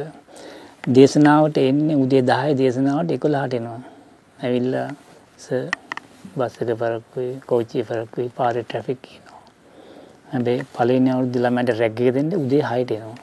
එතට බසුත් වෙලාට එල කෝච්චිලට ඇල්ල පාර ට්‍රෆික් නෑ මම එක උදාරකට නිතර වෙන කියන්න දෙන්න ඇති නොක තමයි විසිදර පද්ධති ඇතුළේ හොඳන තාරුණය කොහට යන්න යනවද කියලා. වෙලාවට වැඩක් කරන්න මට බය හිතනවා මේ ළමය දැක්ක මට ඒ බයි ඒ පුදුරට නෑන ඇකිල් ප්‍රශ්න මටදී මට බයයි. මගේ දුව පුතෙක්කින්නවා ඒගොල්ලො ඉතා ඉහල තැන්වල ඉන්න ඒ ඒකළු මතක් කෙනමට මේ මිනිසු මේ මොකද කරන්න යන්න කියලා. ඒ බිය ඔවුන්ට නෑ. මම සමාධ විද්‍යාත්ම හෝ මොකද මේ මම මනෝවිද්‍යාත්වන මේ ඒපතට යොමු කරන්න. හැබැයි මට එකක් කියන්න තියෙනවා. මේ ලෝකෙ මම ඔබට වඩා වැඩිමල් ඔබට මේ ශේෂ්‍රීන්ද තින අවුදු පනස්ස කර වැඩි කාලම උගන්නනවා මම බැංගෝකට ගියත් ස්පිතාල්ට ගියත් කෝචය ගිය බස ගිය මන් දකින්න හැම මිනිහම අති දක්ෂ මිනිස්සු. ඔබ තක්ෂර ගන්න පකාදාත් මේ මිනිහ නිකම කියලා. ඒ තැන්ට පත්ලා තින්නේ ඒ මිනිිය විසින්. ඔය අතපානාය අරං ඉන්ටව කරලා බලන්න. අත පාන්න වනේ ඒ මිනිිය නිසා. ඒ සමාජය දොස් කියන වෙන සමාජයේ අම්මද දුව පුතා අද ලෝකෙම චතුර වෙළඳ පුල ඔබ මම ඔක්කම වෙළඳ බාණ්ඩ බත්තා ඉවරයි. අපි අපි අපි අලවි කර ගන්න ඕන. අපි අතපාල හරියන්නේ අපි අලව කරගන්න දන් ඒ මුලින් දන් ඒ අඩිතාලම අපි තියෙන් ඕන දැන් බුද්ධිය බලවේ කියලගෙන බුද්ධිය බලය වේ තම හැ බුද්ධිය බලවනට වැඩක් නෑ බුද්ධිය ලගතියාගන ඒ භාවිත කරන්න ඕන ඒ භාවිතයෙන් තමයි බලය වෙන්නේ. ඉතින් ඒක නිසා බුද්ධි බුද්ධිය ගන්න ඕන කෙනෙකුට අවස්ථා එමටයි. ඒක නොකරන එක තමයි මට මම දන්නේ තව අවුරුදු 25 30ක් ගියාම රටට මොනව වෙයිද කියලා. ඔබට වඩා මම තාරුණ ඇත්ත කෙනෙක්ද මොකද මාළන්ට ගිටාර ගහන්න මගේ වයසයි ඉන්නේ. ඔක්කොම ඉන්නේ තාරුණේ ඉන්නේ. විශ්වවිද්‍යාල පද්ධතියේ තියෙන අවුරුදු ඔය මේ පරිප්‍රාන්තයේ ඉන්න අවුරුදු 7 ඉඳන් අවුරුදු 35 වගේ දක්වා විශ්වවිද්‍යාල තියෙන්නේ 21 22 දක්වා. ඒකයි. ඉති ඕකට ඕකට ඇත්තටම කියනානම් මම එකයි මගේ තේමාව වෙලා තියෙන ජවය කියලා කිව්වෙත් ලංකාවත් එකක් කරගෙන තමයි ජවය මගේ තේමාව කරගත්ත මගේ තරුණ තාරුණ්‍ය උදෙසා මං කරේ ඒක මම කරපු කැපකිරීමක් ඒක ඔබ අහලා කියන්න පුළුවන් මේකේ රස විඳිනයක් නෑ මේක කර්කසකය කියලා. කර්කසකය ජවයේ කර්කසකය ජවයේ නෑ මේ. මට සුදු භාවය සහ ආදරය සෞම්‍ය. ජවයේ ලයන්විත ගතියක් එහෙම නැද්ද? නිකන් නෑ හොඳට දැනෙන ගතියක් එහෙම නැහැ. ජවලා නැත මොකද නේ ඉවරනේ යුද්ධට ගිහලා ඔව් දැන් යුද්ධට ගිහලා කඩු වර කරන ලායන්විත වුණොත් මොකද වෙන්නේ? ඉවරයි. ඒක කඩු ගත්තට පස්සේ ලායන් දරුණු වෙන්න ඕනේ. ජවයේ සම්පන්න යුද්ධට ගියාම. මේ වගේක් මෙතන තියෙන්නේ. කොහොමත් ඔබ ප්‍රබලයෙක් නම් ඔබ ප්‍රබලයෙක් නම් ඔබට මිනිස්සු හොගාල එකතු වෙනවා. හැබැයි මිනිසුන්ට බෝ අහිමිලා යනවා. ඔන්නගේ ප්‍රශ්න තියෙන්නේ. ඒ අහිමිලා යන කොටස වැඩි ඔබට මිනිස්සු එක තින්න ඔබ හොයාගෙන මිනිස්සු එනවා. කෝල්ස් එනවා කාර් එනවා එනවා කතා කරනවා තෑග් කියනවා හැබැයි මිනිස්සු ගොඩකට ඔබ අහිමි වෙනවා අනිවාර්යෙන් මුලින්ම පවුලට ළඟම ඉන්න අයට. නිසා ඔබ ප්‍රබලෙක් වෙනවද නැද්ද කියන එක තීරණය කරන්න ඒක එහෙම කියලා නවත්තන්නේ ඇයි? එහෙම කියලා නවත්තන්නේ ඇයි දැන්? දැන් මම මගේ වාතාවරණය මම ආගෙන වර්ණ කරන මේ මගේ ගෙදර ගත්තොත් එහෙම මමයි බිරිඳයි පමණයි ඉන්නේ. බොහොම නිස්සලංක නිස්සර පරිසරයක්. මම මේක ඒක ඔටෝ හැදුනා. ඇයි ඒ රටාවට මම ගියා. ඒක ඒ මිනිහට ඉබේ හැදෙනවා. එහෙම වෙන්නේ නැහැ. මිනිහට ඒ මිනිහට එහෙම මම කලබලක් මහා දරුණු පරිසර හිටියම මොකද මට වෙන්නේ? අද මේ නිර්මාණ කරා කියලා ගිටාර ප්‍රැක්ටිස් කරා මට රෑ 12ට කර දෙකට තුන වෙලා නැගිටලා ප්‍රැක්ටිස් කරන්න. අපේ වයිෆ් තමයි ගිටාර අර කම්ලේ බල්ලට යකඩ තලන්නවා කිසි ගානක් නැහැ ඔය අවුරුදු 40 ගානක් ඇහිලා දැන්. ඒක ප්‍රශ්නයක් නෙවෙයි. වෙන කවුරුත් මට වටපිටව කිසිම කෙනෙක් එක මට බාධාවක් නැහැ ඒ තන හදාගත්තට මේ එතන හැදුනා ඒ තන හදාගත්තේ නෑ මම. ඒක හැදෙනවා. ඒක මං කිව්වේ ඔබ ප්‍රබලෙන් නම් ඔබට බොහොම මිනිස්සු එකතු වෙනවා හැබැයි මේ බොහොම මිනිස්සුන්ට ඔබ අහිමිනවා කියලා. ඒක වෙනවා. ඒක තේරෙන්නේ නැහැ ගොඩක් අය තේරෙන්නේ අවුරුදු 65 ගියාට පස්සේ පුටුවට වාඩිනාට පස්සේ තමයි තේරෙන්නේ මට මොකද වුනේ කියලා. ඔය දඟලගෙන යන වේගය සහ යන්න දරන වේගය ඔක්කොම මිනිස්සු එළියේ ඉඳලා බලන තැන ඔක්කොම වෙනස් කියලා හිතෙන දවසක් එනවා ඇතිනේ. ඒ කියන්නේ මේකට ආවයන් පස්සේ යන්න දඟලපු දෙන්ට ආවයන් පස්සේ මේක හරි හිස් කියලා දැනෙනවා ඇතිනේ වෙලාවක. උඩ හරි හිස් කියලා කරලා.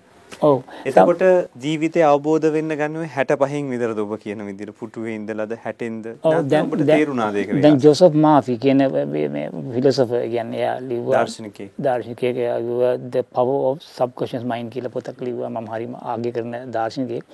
එයා කිව්වා කෙනෙක් ප්‍රබලත්වයට පත් වෙන්න අවුරුදු 60ත් 90ත් අතර කියලා. ඔව්. එතකොට ඒ වගේම සමාජසේවද වර්මේන්තුව සමීක්ෂණය කරා ඒකේද කිව්වා අවුරුදු 65ට වැඩි ලංකාවේ පුද්ගලයන් සීට අනුපහ පුටුවට වාඩිලා ඉන්නවා කියලා.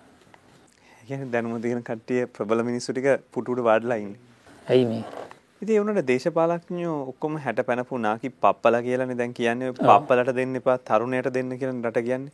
ඔබ කියන අර්ථයෙන් දෙනව නම් පප්පලට තමයි රට දෙන්න ඕන. එහෙමද? ඉතින් මේ පප්පලා වැඩ කරන්නේ නැහනේ. පප්පලා කරලා නැහැ. කමුත් කරනවද නැහැ කරන්නත් බෑ කරන්නෙත් නැහනේ.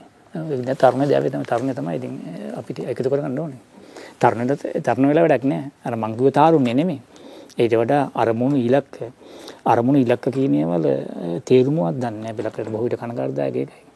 අපි අරමුණක් තියෙන්න ඉලක්කයක් තියෙන ඉලක්කය හඹා යා යුතු වෙන්න ඕනේ. ඒවා කිසි දෙයක් ගැන අවබෝධයක් නැහැ මම දැන් හොඳම දේ තමයි අවබෝධ ගන්න පුළුවන් මේ වීර චරිත ගැන. දැන් බද්දතම ඇලසන්ඩර් ග්‍රේට්. ඇලසන්ඩර් ග්‍රේට් මම මගේ වීරයෙක්.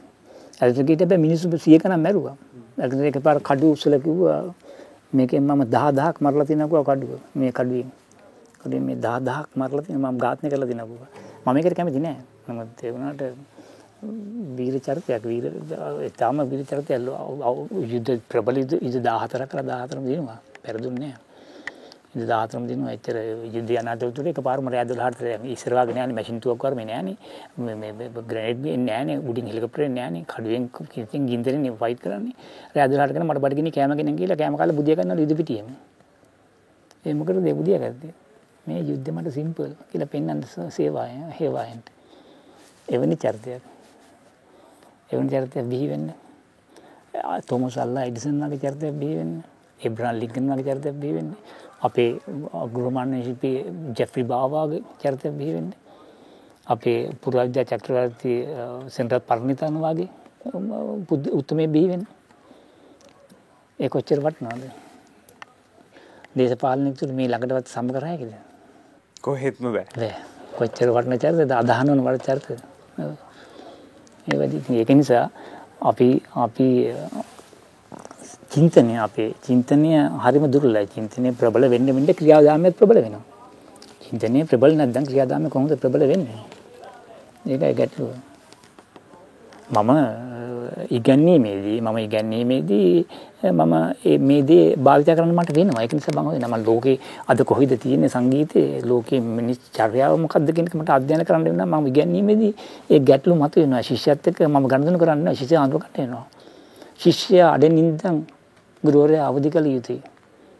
ශිෂ්‍යයා දැනුවත් වෙන්න ආසය දැනුවත් නැත්නම් ශිෂ්‍යයා දැනුවත් කළ යුතුයි.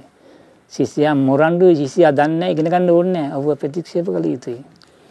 මේ මේ රටාව තුළ මා සිටිය යුතුයි. මම නෙමෙයි ඕනේ ගුරුවරයාගේ රටාව තුළ සිටිය යුතුයි අනිවාර්යයෙන්ම. විශ්වවිද්‍යාල පද්ධතියට සංගීතය එකතු කරනකොට විෂයක් විදිහට ඒකනේ මේ ප්‍රශ්නේ. මේ ගිටාරය හඳුන්වනකොට මේක ගේනකොට මොන වගේ තත්ත්වයක් තිබ්බේ? කනගාටුදායක තත්ත්වය. කොහොමද ගෙනාවේ? පළවෙනියෙන් ළමයි තුන්දෙනා හිටියේ විෂය කරන්නේ. කොයි අවුරුද්දද? 2002 2019 වෙනකොට කොළඹ හතේ සෞන්දර්ය විශ්වවිද්‍යාලයේ මේක කිය යුතුමයි. 77 දෙනෙක් හිටියා පළවෙනි වසරේ. දෙවන වසරේ ප්‍රධාන විෂය, තුන්වෙනි වසරේ ප්‍රධාන විෂය, හතරවෙනි ප්‍රධාන විෂය සහ ඉලෙක්ටිව් සබ්ජෙක්ට් 143 ළමයි හිටියා. ලෝකෙ කිසිම විශ්වවිද්‍යාලයක 143 ළමයි හිටියේ නෑ. ලෝක වාර්තාව කනගාටුට හේතුව අපේ වෙබ්සයිට් එකේ ඒක දාලා නෑ. මේක පරිපාලනයකින් වැඩක් මට කෙනෙකුට ගන්න බෑ. 143 ලෝකෙ කිසිම විශ්වවිද්‍යාලයක නෑ. ක්ලාසිකල් ටර්ම් එක හදාරන්නේ. දැන් රේස් එකේ බැලුව කවුරු ගිහිල්ලා රිසර්ච් එකේ බැලුවොත් චෙක් මම රිසර්ච් ඔක්කොම චෙක් කරලා ගණන් හදලා බැලුවා.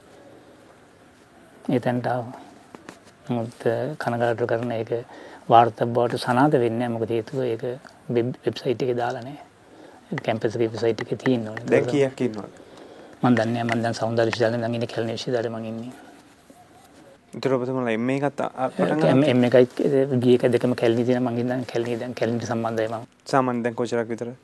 එම් එකට අට දෙනෙක් ඉන්න අට දෙනාම පාස් එළියට ඉන්න බැරුව ගියා මේ කොරෝනාගේ සමය ආවෙලා. දැන් බී එක පටන් ගත්ත ගිය අවුරුද්දේ බී එකට දැන් ඒකත් අර එන හිටියා ඔන්ලයින් කරන්නේ. ඉතින් මම හොඳම දේ කරන්නේ ළමයි ගන්න යොමු කරන්න ඕනේ මේ විෂය හඳුනා දීම කරන කොන්සර්ට් එහෙම කරන්න කොන්සර්ට් කරන්න විදියක් නැහැ දැන් අර ඉතින් තහනන්නේ. ඒක තව මේ 2022 විසුණු එනකොට අපිට ඒක යථාර්ථයට ගන්න පුළුවන් ඉතින්. ඒ කියන්නේ හදිසියක සංගීතයට එම් එකක් තිබ්බොත් සංගීතෙ නෙමෙයි ක්ලාසිකල් ගිටාර් එකට අපිට තිබ්බොත් එම් එකක්. මොකද්ද මේක විෂය හඳුන්වන විදිහ මොකද්ද ඇත්තටම පාඨමාලාව උපාධි පාඨමාලාව? MA in music ඒකේ ප්‍රධාන විෂයක් තෝරගන්න ඕනේ. එක්ක පියානෝ, එක්ක වයලින්, එක්ක චෙලෝ, එක්ක ගිටාර්. ඉතින් ගිටාර් තෝරගත්ත අට දෙනෙක් ඉන්නවා. ඒ යට දෙනා. ඒ යට දෙනාට මම එකයි මම කිව්වේ යට දෙනාට මම එඩිට ගිහිල්ලා කරන්න ඕන මොනවද වෙන්නේ මොනවද කියන කියනද මේ මේක මාස්ටර් කෙනෙක් එඩිට ගියාම මොකද වෙන්නේ? කෙනෙක් එඩිට ගිහිල්ලා යා ඉස්කෝලේ ගෙන්නව එක ප්‍රශ්නයක් නෑ නේද? ඒකට මාස්ටර් කෙනෙකුගේ ඒ හැඩරුව මාස්ටර්ගේ කියා පරිපාටිය ඇතුළේ ඉන්න ඕනේ. එයාට ෆිලොසොෆි එකක් තියෙනවා. එයාට දර්ශනයක් නැත්නම් මුකුත් කරන්න බැරි වෙනවා. එන අපරාධයෙන් මේකක් දුන්නේ. ඔව් ඒකින්ද මම යාව ඒක විශ්වවිද්‍යාලයට හැලුවට කියන මම කැමති නෑ කැලණි විශ්වවිද්‍යාලයට හැලුවට කියන. ඒකින්ද මම දැඩි උත්සාහයක් දරනවා. ඒ විශ්වවිද්‍යාලේ මට්ටම තියාගන්න ඒ පුද්ගලයා ඒ පුද්ගලයාට මේ අද සංගීත කියන්නේ මේකයි ඔබ ජීවිතේ මේකයි ඔබ ක්‍රියා පරිපාටිය මේකයි කියලා මම ලේබල් කරනවා. ඔය සාමාන්‍ය විදිහට ඔය අපි හිතමුකෝ බී එක ගත්තයින් පස්සේ යන එම් එකේ කට්ටිය මොනවද රස්සාවල් විදිහට තෝරගන්නේ? ඒගොල්ලෝ ලෝකේ තියෙනවද? එහෙම නැත්නම් ලංකාවේ ඉන්නවද? 95ක් මේ තෝරගන්නේ ගුරු වෘතිය. ලේසි උදේ ගෙදර ගියා අවසාව. ඒකෙන් ඒ අදහින් තමයි එන්නේ. ගෑල්ලම එහෙම වෙන සාරිය ඇඳලා ලිප්ස්ටික් ගාලා මේකක් දාලා යනවා බෑග් එක දාගෙන. ඒකෙන් තමයි ඉච්චි දාලා එන්නේ. යන්නෙත් ඒකෙන් තමයි ඉතින්. ඒක වෙනස් කරන්න හරි අමාරුයි. ඉතින් ඔබට බැරි වෙලා තියෙනවනේ කියන්නේ දර්ශනය දෙන්න. බණ්ඩේ මම කියන්නේ මම කියන්නේ බහුතරයක් කියලා. හැබැයි මේ බහුතරයක් හැබැයි ගිටාර් කරන අය, ගිටාර් කරන අයට, ගිටාර් කරන අයට මම වෙනම සම්පූර්ණයෙන්ම ගිටාර් කරන අය මම කියන්නේ අරකොල්ල හෙලා දකින්න නෙමෙයි. ගිටාර් කරන අය ගිටාර් එකේ ඉන්න කියලා මම බොහොම තදින්ම මෙයා කරලා ඔයගොල්ලන් කොන්සර්ට් එක කියනවා, ටීවී ප්‍රෝග්‍රෑම් වල කියනවා. මේ දෙරණේ තිබුණා ලොකු මේ වැඩසටහන් කීපයක්ම තිබුණා. මම ස්ටුඩියෝ අන්තන දෙනට විශ්වවිද්‍යාල ළමයි සම්බන්ධ කරන කර වැඩසටහන් වලට ඒ වගේ ඒගොල්ලෝ තකන ඉන්න උදාහරණ වශයෙන් ගත්තා අද මීගමෝ නුවර ගාල්ල කොළඹ මේ මොරටුව වගේ තැන්වල මගේ ශිෂ්‍යයෝ ගන්න පන්තිවල විශාල වශයෙන් ළමයි ඉන්නවා. පන්ති විශාල ළමයි ඉන්නවා. ඔව් මම ගිහලා ඒවල වැඩමුළු කරනවා ඒවා ඉදිරි ගන්නනවා. මේ මීගමේ වැඩමුළුවක් කරලා ළමයි 20 හිටියේ වැඩමුළුවෙන් පස්සේ ළමයි 44ක් ආවා පන්තියට. දැන් 44ක් ඉන්නවා. ඔබ මේ මේ නාලිකාවේ ලෝකයා සහ ලෝකෙකෙත් මෙහෙට අයින්දට ඒගොල්ලෝ වැඩසටහනක් තියෙනවා. දැන් මේ ඔබතුමා කිව්ව ඔච්චර පිරිසක් එකතු වෙනවා උගන්වනවා කියලා වෙලා. ඔය ගිටාරේ තියෙන ටෙක්නික්ස් මොනවද ඇත්තටම ගිටාරේ මොනවද කරන්න පුළුවන් ඇත්තටම? ඔව් දැන් ජෑස් ගිටාර් ගත්තා, ක්ලාසික් ගිටාර් ගත්තා, රොක් ගිටාර් ගත්තා, කන්ට්‍රිස් ගිටාර් ගත්තා ටෙක්නික් ඒකට අදාළ ඒකට සම්බන්ධිත ටෙක්නික් තියෙනවා. අද මම ලෝකයේ අලුත් ප්‍රවණතාවය කිව්වොත් එම අලුත් ප්‍රවණතාවය කියන්නේ ටෙක්නික් අලුතෙන් නිර්මාණය කළ යුතුමයි වාදකයා විසින්. ඒක තමයි ලොකු ලොකු තැනක් තියෙන්නේ. රිද්මේට සහ ටෙක්නිකේට ලොකු තැනක් තියෙනවා.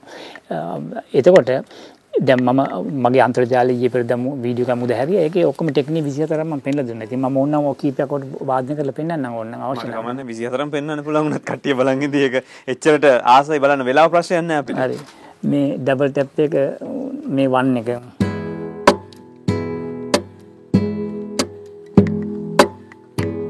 මේ 2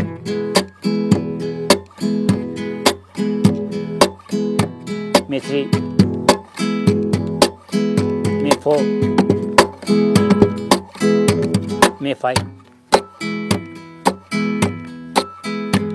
මේ 6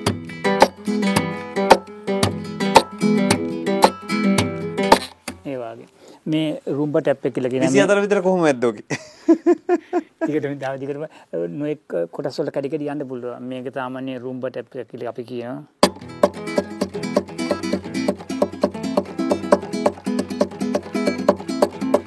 මේකට ඩබල් ටැප් එක එකතු කරනවා මේ උඩට බෝඩ් එක ගහනවා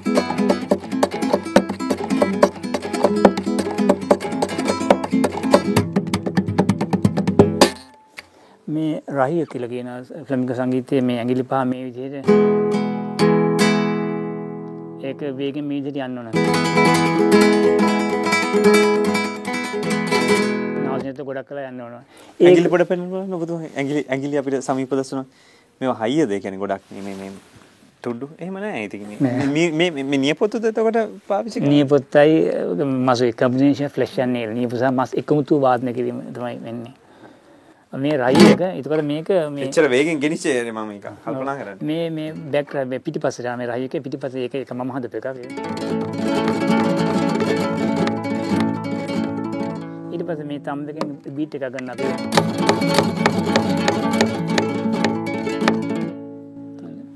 එතකොට දැන් මේ අපි මම ඔබ විවිධ විවිධ වතාව ප්ලේ කරන්න කිව්වා.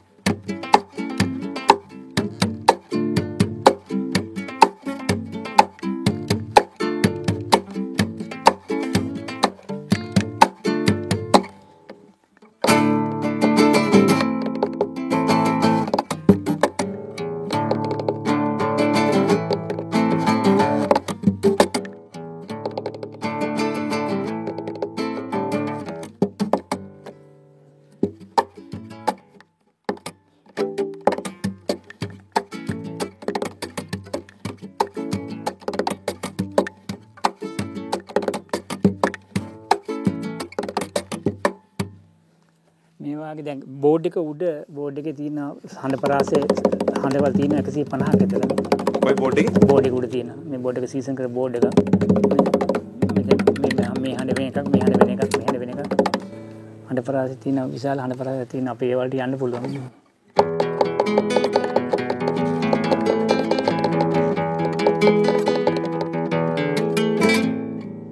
එතකොට මේ අතින් ප්ලේ කරන මම මේ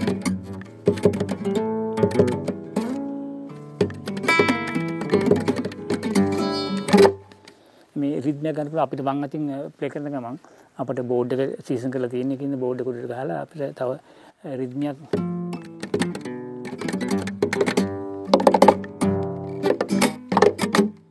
ඒ කියන්නේ මම මේ අහන ඊළඟ ප්‍රශ්නේ. දැන් අවුරුදු 3400ක් තිස්සේ මිනිස්සු මේ වගේම ගිටාරය හා සමාන බ්‍රාන්ඩ් පාවිච්චි කරලා වාදනය කරනවා.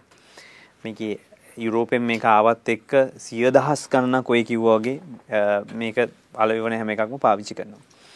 හැබැයි දැන් ඔබ කියන විදිහට මේ මුසු කිරීම මේකේ බෝඩ් එකේම 100 ගණනක් ගේන්න පුළුවන් නම් කියනවා. කියන්නේ ඕනම කෙනෙකුට ඕනම වෙලාවක අලුත් කණ්ඩයක් හදන්න පුළුවන් කියන එක ලෝකේ තියෙන්නේ. ඔව් ඔව්. ප්‍රශ්නේ හදන්න නැති එකයි. ඒකනේ මම හැමසම කියන්නේ. හදන්න කියලා.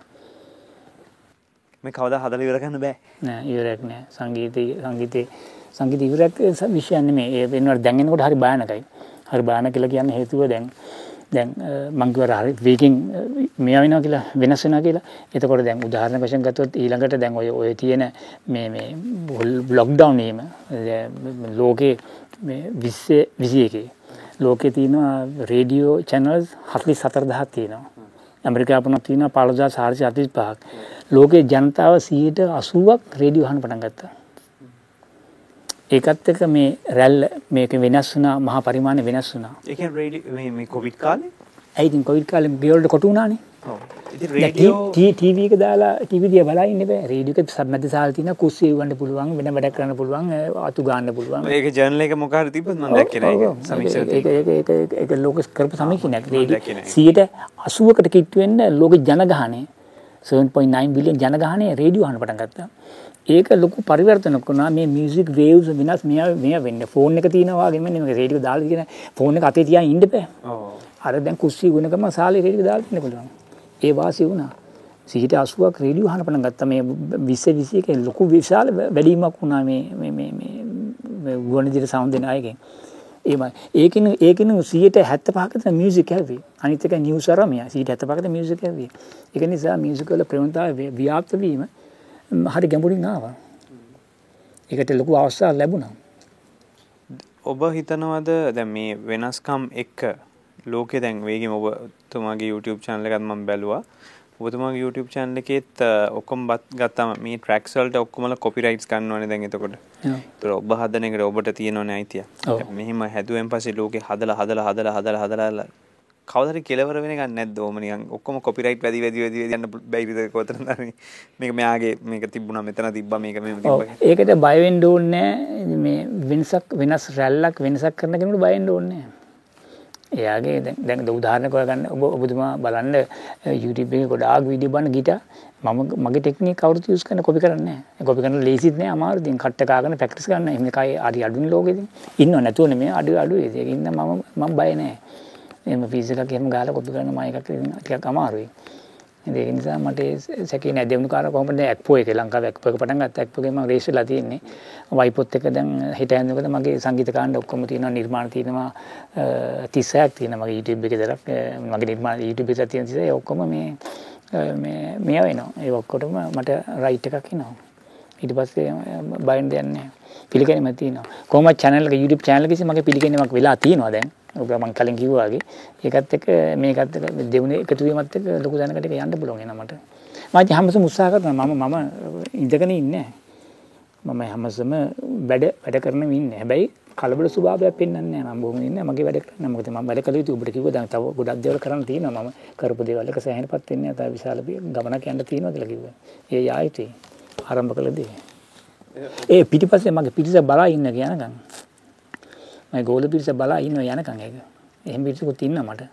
සුළු වුණත් රසිකන් පිරිසක් ඉන්න මට එහෙම. යන්න කැමති මට මම දිරි ගන්නන මට උදව් කරන පිරිසක් ලංකාව තුළ ඉන්නවා. ඒ කියන්නේ සම විදේශීය ප්‍රේක්ෂකයෝ පවා සාමාන්‍යයෙන් ඔබට ආදරය කරනවද ඒක දැනනවද කොහොමද තත්ත්වේ ලංකාව වෙන්නට දැනෙන්නේ නැත්නම් ඔව් ඉතින් මට තෑගි බොකදන් හරිය දීලා තියෙන උදාහරණ වශයෙන් මේ ගිටාර එකක් තෑග්ගක් මේ ගිටාර එක අවුරුදු 47ක් පරණයි ජපානයෙන් හැබිච්ච තෑග්ගම් මේක ඒ කාලේ මේ ගිටාරක වුණේ එයා දෙනකොට රුපියල් දහ අට දහක් වගේ සංඛ්‍යාවක් වුණේ. ඒක ලොකු මුදලක් ඒ කාලේ.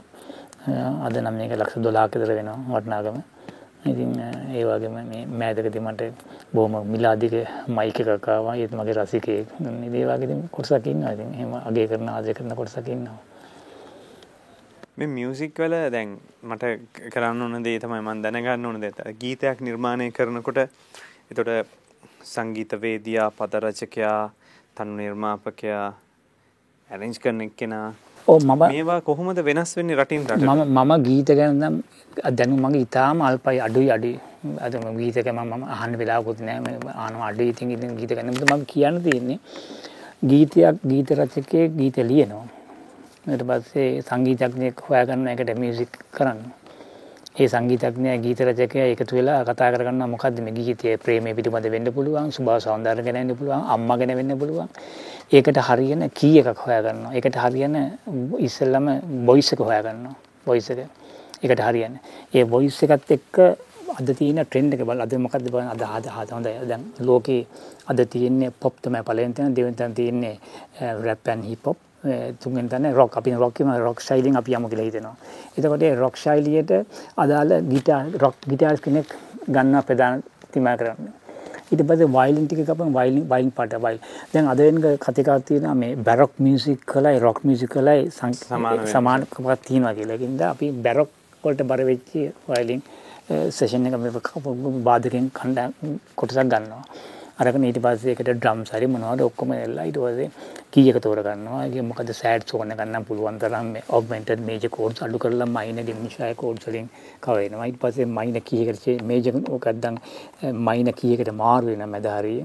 ඒ ඔක්කොම සංකල්පී ඒගොල්ලෝ කතා කරලා හදා ගන්නවා. ඊට පස්සේ පටන් ගන්නවා ප්‍රැක්ටිස් කරන්න. ඊට පස්සේ ඇරේන්ජ් කෙනෙක් ඉන්නවා. ඇරේන්ජ් කොට විශාල මුදලක් ගෙවනවා. කිව්ව පිළිගන්නේ ඒකත් නෑ. ඇරේන්ජ් මේක ඇරේන්ජ් කරනවා. මේක සකස් කරනවා. මෙතන වයිලින් එක ස්ට්‍රෝං වැඩි. එක මෙස 40 40 වැඩි එක ඩ්‍රොප් කරන්න ඕනේ. ඒකට ඒක බේ ඒක ඒක හයිස් වැඩි එකකින් අපි චලෝ දෙකක් දාමු. ඒකට තෙර දෙකක් දාලා චලෝ දෙකක් තුනක් හරි එකතු කරනවා. මේ වගේ ඇරේන්ජ් කරනවා. ඊට පස්සේ එඩිට් එනවා. එඩිට් එඩිට් කරනවා. එයා එඩිට් කරන මෙන්න මේ මේ මේ වෙනස් යුතුයි මේ ඉඳලා ඊට පස්සේ පටන් ගන්නවා ප්‍රැක්ටිස් කරන්න. 49 ප්‍රැක්ටිස් කරලා 50 වෙනි එක රෙකෝඩ් කරනවා. දැන් වෙන්නේ එහෙම තමයි ඉතින්. මම දන්නේ නැහැ ඉතින්. මම ගීත ගැන දන්නේ නැහැ. මම දන්න තරමින් මේ කිව්වේ. මම මේ කියන්නේ ඇඩෙල් ඇන්ඩ්‍රියා බ්‍රොසිලි එපතන් ලේඩි ගගා වගේ ගායක ගායකයෙක්ගේ ගීතයක් ගැන මම මේ කියන්නේ. ඒගොල්ලෝ කරන්නේ එහෙමයි. මොකද හේතුව දැන් මේ දවස්වල ඇඩෙල්ගේ ඇල්බම් එකක් මහා පරිමාණයෙන් වාර්තා බිදහැලිම වාර්තා බිදහැලිම යනවා. මාසයක්වත් නැහැ දාලා වෙලා ඔව් ඇඩෙල් කරන්නේ සින්දු කීන එකයි ලියන එකද? ඇඩෙල් බ්‍රිට් යුනිවර්සිටි එකේ ගීත රචනයේට ෆස්ට් ක්ලාස් එකක් තියෙනවා. හොඳම ගීත රචක හැටියට මේ උපාධිය ලබන තියෙනවා. ඉතින් ඒ වාගේ කල්පනා කරන්න නැතුව දාලා මොකද හේතුව? මේ මේ මේක යන්නේ ලෝකේ මහා ප්‍රවීණ මේ මේ කොටසක් ළඟට. මේක යන්නේ අපේ වගේ නෙමෙයි කමෙන්ට්ස් එහෙම මොනවද කියන වෙනද දැන් ඕන්න බලන්න.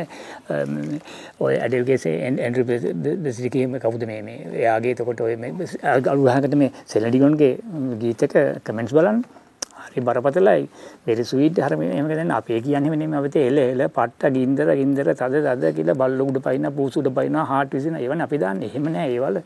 හරි හරි සීරියස් කමෙන්ට් එකක් දාන්න එක. විවේචන තියෙන වගේ මියුසික් ඇරේන්ජ් කරපු විදිහ ගැන. මට මතක එක තැනක තියෙනවා මේ ඒ මේ මේ සෙල්ලික සින්දුවක තියෙනවා මම කිව්වා හරි ගැඹුරුයි එතන කියනවා the the word inspiration gives a sad meaning uh, instead of using the major chord, he had to use the minor chord because it gives that uh, sad feeling. The composer is using the, uh, sorry, composer is using the augmented chord instead of Diminished chord, uh, augmented chord එක වැඩි. මේජ් එක තව එකක් අඩුයි මයින් එක තව එකක් අඩුයි ඩිමිනිෂ් එක හොඳටම අඩුයි. එයා කියන ඩිමිනිෂ් එක යන්න ඕන තැන මෙන්න මේ ඔග්මන්ට් එකක් දාලා දෙනවා කියලා. ඒ වගේ රච වෙන්නේ. ඒකෙන්ද හරි පරසන් ඉන්නවනේ. ඒගොල්ලෝ හරියට සීරිස් පිට විදම් කරලා ක්‍රමයට වැඩේ කරන ආවට කියලා කරන්නේ මොකද ඒක මාකට් කරන්න ඕනේ. මාකට් කරලා මුළු සම්පූර්ණ CD එක විකිනෙන්න ඉස්සෙල්ලා මාකට් ටීම් එක මාකටිං ටීම් එක කියන ටාගට් එක මේකයි කියලා. අද මොකද රැල්ල තියෙන්නේ? අද මොකද රැල්ලට ගැලපෙන්නේ? දැන් බල්බ් එකක් කොහේ හැදුවත් ලෝකේ ඕන හෝල්ඩ් එකට ගැලපෙනවා. අයිලා දාන්න පුළුවන්. ඒ විදිහට ඒක සෙට් කරනවා අද රැල්ලට ගැලපෙන විදිහට තමයි මේක කරන්නේ. ඒක අවුරුදු 3 ගිය පස්සේ විකුණන්න බෑ. ඒක ඉක්මනින් විකුණන්නත් ඕනේ. මෙන්න මේ වාගේ හරි බරපතල ක්‍රියාදාමයක්. අපේ වෙන්නේ කොහොමද සාමාන්‍යයෙන්? ඒක නම් මම දන්නේ නැහැ මගේ ගීත ගැන දන්නේ නැහැ කියලා කිව්ව එකයි. ඉතින් මම ඕක ගැන කතා මම ওই ගැනත් මම ඔච්චර දන්නේ නැහැ මම ගීත ගැන මම දන්නේ මේ ගිටාර් එක සහ ගිටාරගේ ඒ පසුබිම සහ ඒ ගිටාර වාදනය ගැන මම දන්නේ. එහෙම කියන්න බෑනේ දැන් මම දැකලා තියෙනවා මේ සමහර ප්‍රසිද්ධ වේදිකාවලදී ඔබේ මේ ප්‍රසිද්ධ ලංකාවේ ප්‍රසිද්ධ චරිත එහෙම නැත්නම් ගායක ගායිකා ඔබතුමන්ට වැඳලා යනවා දැකලා තියෙනවා සෑහෙන පිරිසක්. ඔය ඒ මගේ ඉගෙන ගත්තා ඉතින් මට යම්සි ගරුත්වයක් භක්තියක් තියෙනවා ඉතින් ඒක ඒක එහෙම වෙන්න ඕනේ. කවුද? ඒ කියන්නේ කවුරුත් එහෙම ඉගෙන ගත්තා කියන කෙනෙක් මේ මගේ ගුරුවරයා කියනකොට කවුරුක්ක තකමැති වෙන්නේ නැහැ. කවුද ලංකාවේ මේ ඔබෙන් මේක සංගීතය නැත්නම් බොක්ස් ගිටාර එක නැත්නම් ක්ලාසිකල් ගිටාර එක ෆ්ලැමින්කෝ එක ඉගෙන ගත්තා? කවුද සාමාන්‍ය ප්‍රසිද්ධ? ඔය ලංකාවේ ඉන්න ගායක ගායකයන් ඔක්කොම වගේ පුතු ඇවිල්ලා දිනවා මානකට. නන්නෝ කිව්වට. ඔව්. ඔව් බාලජි සංගීත ජේසු කියලා ගායකයෙක් ඉන්නවා. එයාත් තාම මේ වැඩසටහන. මගේ හොඳම ගෝලයෙක්. හොඳම ගෝලයෙක් විතර නෙමෙයි අතන කියනවා නම් මගේ දරුවෙක් වගේ බොහොම සමීපයි මට. ඕන වෙලාවකින්. ඒ වගේ පිරිසක් මට ඉන්නවා. තව මම සමායෙන් නම කිව්වට තව මොකද ඒ තව ගෝලියෝ විශාල වශයෙන් වගේ මට උදව් කරන ගෝලියෝ ඉන්න අවනාප වෙයි. ඉතින් කියනවනම් මම ඒගොල්ලන්ට කරදර කරන්නේ මොන හරි දෙයක් අවශ්‍යයක් කිව්වොත් කියන පරක්කු ඉටු කර දෙන කට්ටියක් ඉන්න. මම එහෙම කරදර කරන්නේ ලේසියෙන් බැරිම තැන දැන් මොන හරි උදව්වක් මම ඉල්ලන්නේ.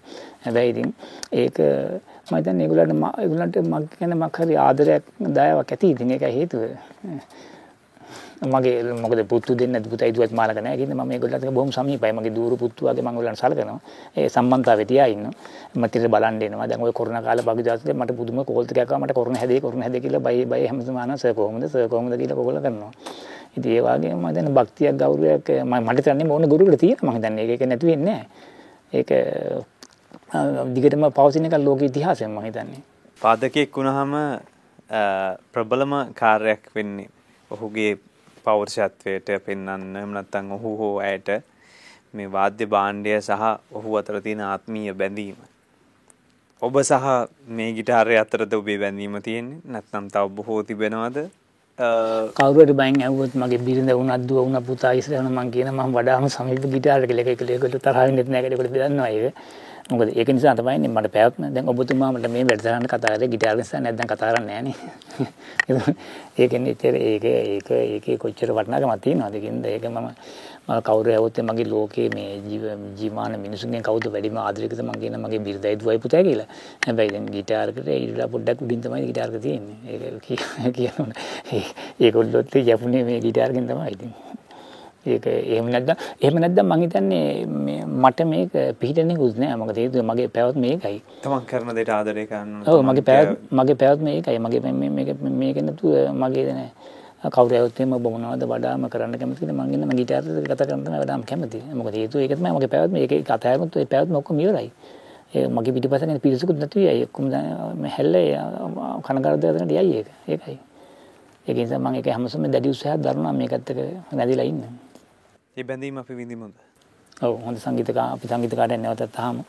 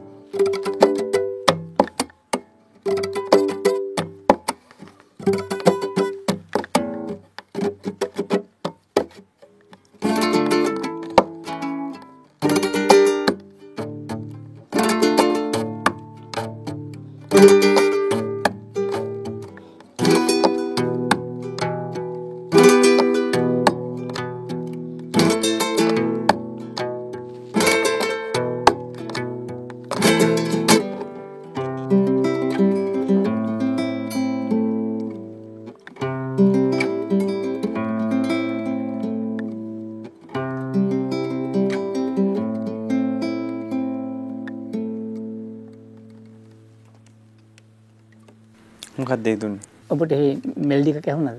ඔව්.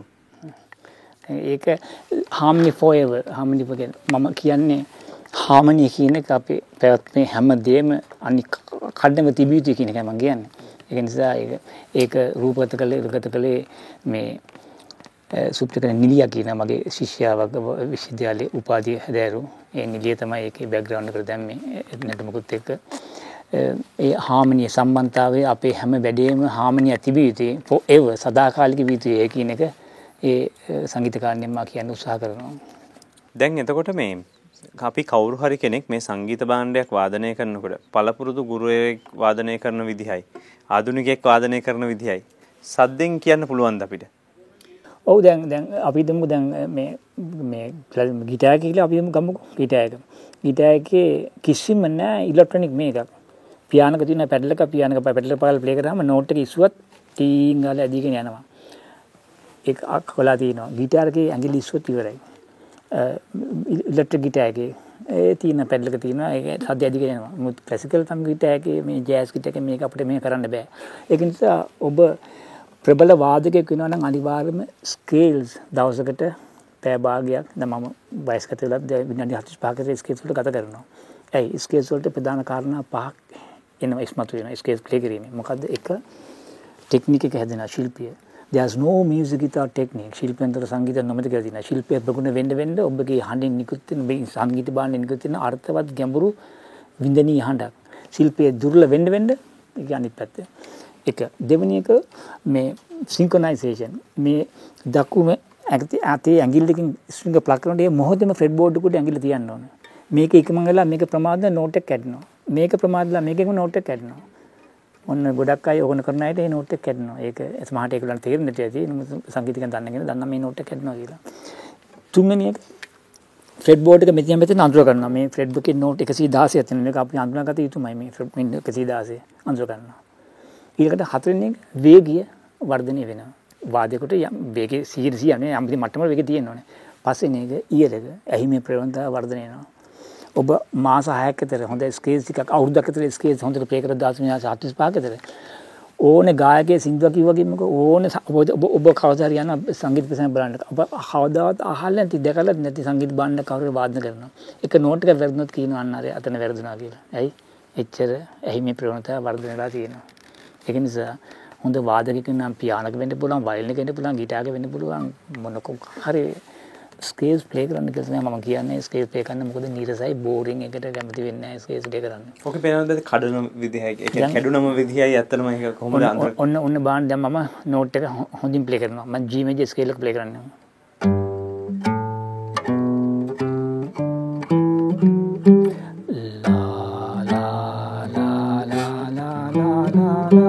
කැඩනවා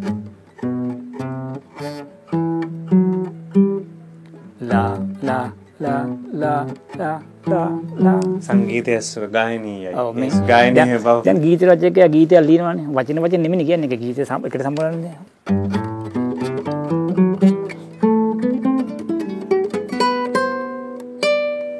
දැන් ඒවල කැඩෙන්නේ ඔක්කොම මොකද හේතුව? අපි ස්කේල් ප්‍රැක්ටිස් කරන ප්‍රැක්ටිස් කරාම ඒ හඬවල් දෙක ඇඟිලි දෙක එක මොහොතේ ක්‍රියාත්මක වෙන්නේ. මෙච්චර ලෝකෙ පිළිගැනීමක් තියෙන මිනිස්සු කතා කරන හොයා බලන විෂයක් වෙනුවෙන් ඇයි අපේ රටේ යොමු වෙන්නේ නැත්තේ තරුණ පිරිස? ඕන කෙනෙක් ගිටාර් ගහන්න ආසයි. ට්‍රැවල් එකක් යනවා, ට්‍රිප් එකක් යනකොට ගිටාර් එකක් කරේ දාගෙන යන්න ආසයි. හැබැයි ඒ වුණාට ඉතින් යොමු වෙන පිරිස අඩුයි.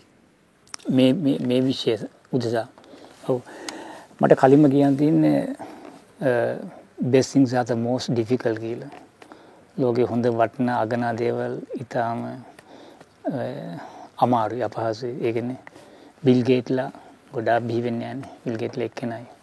ඉතින් ඒ වගේ මේක දැන් ගොඩක් හිට අර මං කිව්ව පළවෙනි පස්සේ තියෙනවා දෙමාපියෝ දැන් දැන් හැබැයි කන සතුට කරන තියෙන මේ ඊපෙද්දත් ළමෙක් ආවා මේ එයාගේ දෙමාපියෙක් ආවා මේ මේ ගිටාර් එක සම්පූර්ණ ෆුල් ටයිම් ගිටාර් එකට ඉගෙන ගන්නත් හරි දක්ෂයි කියලා කියනවා. ඉතින් ඇත්තටම ගොඩාක් හොඳලා ශිෂ්‍යයෙක් මගේ. ඒ වාගේ පිරිසක් ඉන්නව නැතුව නෙමෙයි. නමුත් අර මම කිව්ව කලින් පරිණ කරුණ තියෙනවා. පරිණ කරුණ මොකද්ද මේ මේ ළමයාගේ ලේබල් එකක් ගහගන්න නම් ළමයා වෛද්‍යවරයෙක් නීතිඥයෙක් ඉංජිනේරියෙක් විය යුතුමයි කියන තැන දෙමාපිය ඉන්නවා. බොහෝ විට ශිෂ්‍යයා එතන නැහැ. ශිෂ්‍යයා එතන ශිෂ්‍යයා අසරණයි. ශිෂ්‍යයට එතන එතනට එන්න ලොකු සටනක් දෙන්නත් අමාරු අවස්ථා තියෙනවා. ගොඩක් ඉට කරනවා වෛද්‍යරුව කෙලත් මේක ප්‍රගුණ කරන්න. වෛද්‍යකලා මේක ප්‍රගුණ කළ වැඩක් නෑ. මංකිව දැන් ඔබට අපේ රැකියාවල අපේ වෘත්ති අපේ ජීවිතය හැමතිම චලෙන්ජ එකක් තියෙන අභියෝගයක් තියෙනවා. අපි වෛද්‍යවර කියලා ගමු උදාහරණයක්. වෛද්‍යරයාගේ අර උදේ නැගිටිනකොට රැයට බුදිනකොට ඒකත් එක තමයි උදේ ඉන්නේ. කොහෙද යා ගිටාර් ගහන්නේ? මම එක කතාවක් පමණ කියන්න. මේ ආසාාවට ඔව ආසාාවට ගිටර් ගානක ඉතින් එකට සාමාන්‍ය කෝච්චික කරන්න සිින්දුවක් කියගෙන කරන්න සාමාන්‍ය ඒකන හත්සිය විස්සක් මිලියන හත්සීසක් ලෝක ඉන්නවා කියන්නේ. දැ මිලින් හත්සි විසෙන් විශාල පිරිසක් කර ඔය බගතුමා කිව්වාගේ ඒ තැනට ගාපට ඇතුලේ ඇතුලේ සිින්දුවක් පොඩි කිවුන්න එක ප්ලේ කරලා පොඩියාගේ පොඩි විින්දනය පාල්ලෝ හුද කලාව මේක නිකම් මේ පෙළක් අයට යාළුවෙක් වගේ බිරිඳ වගේ මිතුරෙක් වගේ තත්තර තියෙනවානේ. ඒකට මේ එනවා. දැන් මෙවැනි මෙවැනි විශ්යකට යොමු මංකවන්න අපට මුලදි කිව්වා මේ වමති දකුණේ ක්‍රියාදාමයත් එක්ක මේ විශ්යට යොමු වීම. දැන් ක්ලාසිකල් ගිටාර් කියන ෆැමිලි ගිටාර් ඇඟිලි වලින් ගිටාර් වාදනය කරන එක ලෝකයේ ඒක අමාරුවෙන් තවත් විතර තමයි ක්ලාසිකල් ගිටාර් ක්ලම ගිටාර්ගේ මේ දකුණු අතින් වාදනය කරන එකට හාත්පසින් වෙනස් එකක් වම් අතින් වාදනය කරන්නේ. කවදාත් එක සමාන නැහැ. ඒක හේතුවක්. පියානකේ තියෙන එක සමානව යම් අවස්ථාවල යනවා. තබ්ලාවෙත් යනවා. නමුත් ගිටාර්ගේ මියුසික් ඉන්ස්ට්‍රුමන්ට් කීපයක් යනවා. නමුත් ගිටාර්ගේ කවදාවත් නැහැ. ඉතින් මෙවැනි ගැඹුරු විශ්යකට යොමු කිරීම දැන් මගේ කවුරු අහන්න පුළුවන් මගේ දුවයි පුතයි ඇයි යොමු කරේ නැත්තේ කියලා. ඒගොල්ලන්ට මියුසික් ගැන එච්චර උනන්දුවක් තිබුණේ නැහැ. ඉතින් මට බලෙන් මියුසික් උගන්වන්න මම කාටද මම පුතාට දුකට මම උගන්වන්නේ නැති එකේ මම වෙන කාටවත් බලෙන් උගන්වන්න බෑනේ. කර ඒක කරන්න පුළුවන් බලෙන් මම නෙමෙයි කිසි විෂයක් උගන්වන්න බෑ. සංගීත පමණ නෙමෙයි. මෙති ඒක නිසා මේකට යොමුවීම මේකට යොමුවීමේ දැන් ගොඩක් විට දෙමාපියන් මේ රටේ මිනිසුන් නොදකින පැතිකටවල් රාසියක් තියෙනවා. රයි එතකොට වෛද්‍යවරයාගේත් වෛද්‍යර මවෘත්ති හෙලා දකින මේ වෛද්‍යරයාගේත් අපහස්සා ගැටලු රාසියක් එක වෛද්‍යවරයකින්නේ නිකන් මගෙන් චලෙන්ජක අභියෝගෙන. ඔපරේෂණ එක කරලා ලෙඩා මලොත් ලොකු ප්‍රශ්නයක්. ලෙඩා මැරෙන්න ඇත්තටම ලෙඩා මැරෙන්න හේතු ලෙඩාගේ දුරතා වෙන්න ඇති නමුත් ඒ වුණාට ලොකු වෛද්‍යරට ලොකු නමට පොඩි අපකීර්තියක් එකතු වෙනවා. එතෙන්නේ වෛද්‍යරයා විසින් කරන දැන් නෙමෙයි ඒක නෙමෙයි. ලෙඩා අසනීප තත්ත්ව නිසා. ඒ වගේ. නමුත් මේ ගිටාර ගහලා එහෙම දෙයක් වෙන්නේ නැහැ. ගිටාර ගහලා ලොකු වින්දනයක් ලොකු සේවයක් ලොකු මේක කරන්න පුළුවන් වෙන අපිට ඒ ඒ වෘත්ති අපේ වෘත්ති ඒ වෙන තැනක ඉන්න අපේ වෘත්තියේ. මේක තේරුම් ගන්න නැහැ. මොකද හේතුව අපේ සංකා අපේ කිඳා බැහැල් තියෙන මේ සංකල්පය ඉතා ප්‍රබලයි. ඒවා මේ වගේ දෙකින් අභිභව යන්න බෑ. ඒවල තියෙන බාහිර බලපෑම ඊට වඩා හරි ප්‍රබලයි. ඉතින් ඒක නිසා ඒකට යොමු වෙන සංඛ්‍යාව අඩුයි. හැබැයි සතුට කරනක් තියෙනවා බහ ප්‍රශ්න උත්තර දුන්නොත් දැන් දැන් ඒකට යොමු ලොකු සංඛ්‍යාවක් රුම් එනවා. ඒක දොගුමිනායි තන්නේ මේක වෘත්තියක වශයෙන් භාවිත කරන්න පටන් ගන්න තියෙනවා. මුතුමා හැම වෙලාවකම මේ ජීවන දර්ශනයක් ඉදිරිපත් කරනවා කියලා මට හිතෙනවා. නිකම්ම නිකන් කෙනෙකුට වඩා ඔබේ කඳුළු බිඳක් හෝ සිනාරල්ලක් ජීවිතේ පොදු අරුත නොවේ. විකසිත මල් පිපි වසන්තය දෙවැනි චමත්කාරයන් මවන මොහොත අත්විඳීමද ආත්මය නොවේ. අර්ථවත් ඇටි පදනමක් මත ගොඩනැගුණු සිතිවිල්ලක් නොසැලෙන ඉලක්කයක් අරඹා එය දිවයා යුතු අතර වර්ණ ගැන්වූ ප්‍රබල අර්ථවත් සිතුවම් හිබි කෞතුකාගාරයක කල්පයක් ප්‍රදර්ශනය වන සිතුවමක් ලෙස ආත්මය පැවතිය යුතුය ඔබේත් මගේත් වාදනය මිනිස් සිස් සතන් නැමති කෞතුකාගාරයක සදාකල් තැන්පත් විය යුතුය කියනවා. ඔතික වර්ධක එක හරි මගේ මං කියන මේ වාදකෙක් බිහිවීම කියන ඔබතුමාගේ කෘතිය අමරනාත් අනතුම් කියන ඔබතුමා ඉදිරිපත් කරපු මේ කෘතිය මම මේ කොටස පුට දක්වේ. විකසිත මල් පිපෙන පිඩිබිඳු වැටෙන ඉදු උදෑසන ඉතින් මොකක්ද ඒක තියෙන්නේ අපිට අපිට ගතයි දේ මොනවද? හරි ලස්සනයි කියන්න පුළුවන් ඉතින්. හරි ලස්සනයි කියන එකේ ඇතුළාන්තෙ මොනවද තියෙන්නේ? අදන්න කිසියක් නැහැ අපි ඇතුළාන්තේ දෙයක් ගත යුත්තේ. ඉතින් ඒකයි ගොඩක් ගොඩක් මේ මේ වාගේ මට සිල්ටු දේවල් වල මට සිල්ටු කියන දේවල් වින්දනීය දේවල් වල දේවල් මට ලෝකයා දකින්නේ මම හිතන්නේ ලෝකෙ දකින්නේ විනිවිද පෙනෙන ඇතුළාන්තයේ හිස්සු බුබුලක්සේ විනිවිද පේනවා ඇතුළේ මොකුත් නැහැ. නේද? හින්දා එහෙම නෙමෙයි ඒ ජීවිතය දැනකට යා යුතු අපේ ජීවිතයේ අවසානයේදී අපි මොනවා හරි කෞතුකාගාරයක දැන් මොන්ලිසා චිත්‍රය එල්ල තියෙන මොන්ලිසා චිත්‍රයේ අවුරුදු ගාණක් 100 ගානක් කියලා බලනවානේ. අපි ලංකාවේත් ලංකා තිලකගේ ෆ්‍රැන්සිස් ගේම සෙමයා මුඩ්ලියර් ගේම චිත්‍ර තියෙනවා. අපි හරි අගය කරන අවුරුදු ගාණක් බලනවා ඒවා. ජීවිතේත් ඒ වගේ දෙයක් කරන දැන් ඒගොල්ලෝ තාම මැරෙලා නැහැ. ඒගොල්ලෝ තාම ඉන්නවා. ඇයි එච්චර විශේෂ නිර්මාණ නිර්මාණ අපිට තියෙන්න ඕනේ. ඒකයි මම කියන්නේ මම ජීවිතේ අවසාන පොත අවසන් කරලා තියෙන්නේ වාදනයේ අවසානය නොමැත. වාදකයේ ගමනද අවසානය නොමැත. හැබැයි වාදකයා වාදකයා නොවෙනවා නම් ඒක බෙහෙවින් කනගාටුදායකයි. වාදකයා වාදකයා වෙන්න බෑ. වාදක සල්ලි පොලිට දීලා වාදක කාර් බිස්නස් කරලා වාදකයා මේ ෆැෂන් පෙරෙත් කරලා හරියන්නේ නැහැ වාදකයා. වාදකයා විය යුතුයි. මම මගේ මතය ඒකයි මම අනුන්ගේ හිලා දකින්න නෙමෙයි ඒ අපේ කාර්ය අපි කළ යුතුයි. ඉතින් ඒක නිසා මේ ඒ ඒ පොත අවසන් කරලා මම ඉතින් වාදකයා කාර්යභාරය මේක ඔබ හඳුනාගත යුතුයි කියන එකයි මම කියන්නේ. මම කාවත් හිලා දකින්න නෙමෙයි මම දැඩි උත්සාහයක් දරනවා වාදකෙක් බිහි කරන්න ඒ පොතේ එතරම් නෙමෙයි හැම මගේ ක්‍රියාදාමයේ හැමදේම ඒ ආකාරයට ඒ අවසන් වෙන්නේ. හඳුනාගත්තොත් ඔබ මා කියලා ඔබෙන් අහන්න කිව්වොත් ඔබ හඳුනගෙනද ඒක ඉතින් අහන්න ඕනේ අහන කෙනාගේම තමයි මම හඳුනගත්තද කියලා. ඔබ මාව මේ ටික කාලේ වෙලා අඳුරගන්න ඇති සමහර විට බොහෝ විට ඔබ ඔබ මේ සුළු වෙලාවේදී. ඉතින් මම කොහොමද කියන්නේ මේ ඒ කාර්යය සාර්ථක කියලා. ඒ කාර්යකේ ඒ කාර්යය තම තමාගේ දැන් දෙවෙනි කාරණා විවිධ කෝණයෙන් බලන කෝණය අනුව එක තියෙනවානේ. විවිධ කෝණේ දැන් බලන කෝණය අනුව කෙනෙක්ව ඉස්මතු වෙලා පේනවා. මෙයා මේ තැන මෙයා මේ තැන කියලා. කතා පමණක් නෙමෙයි ක්‍රියාවක් තියෙන්න බෑ වාදනය වාදනය තියෙන්න ඕනේ දැන් සු ලෝක සුපිරියමක් තියෙනවා ෆයින් ටීචින් ඉස් රෙයා කියලා. ඉහළ මට්ටමේ උගන්වීම් දුර්ලභයි කියලා. ඒ නිසා ඒ දුර්ලභතාවය මම හැමසම මගන්න මමත් ඉහළ තලයට ඉන්න උත්සාහ කරන හැමතම කියෝන මම ලෝකෙ පිටිම දාගෙන අධ්‍යයන කරනවා.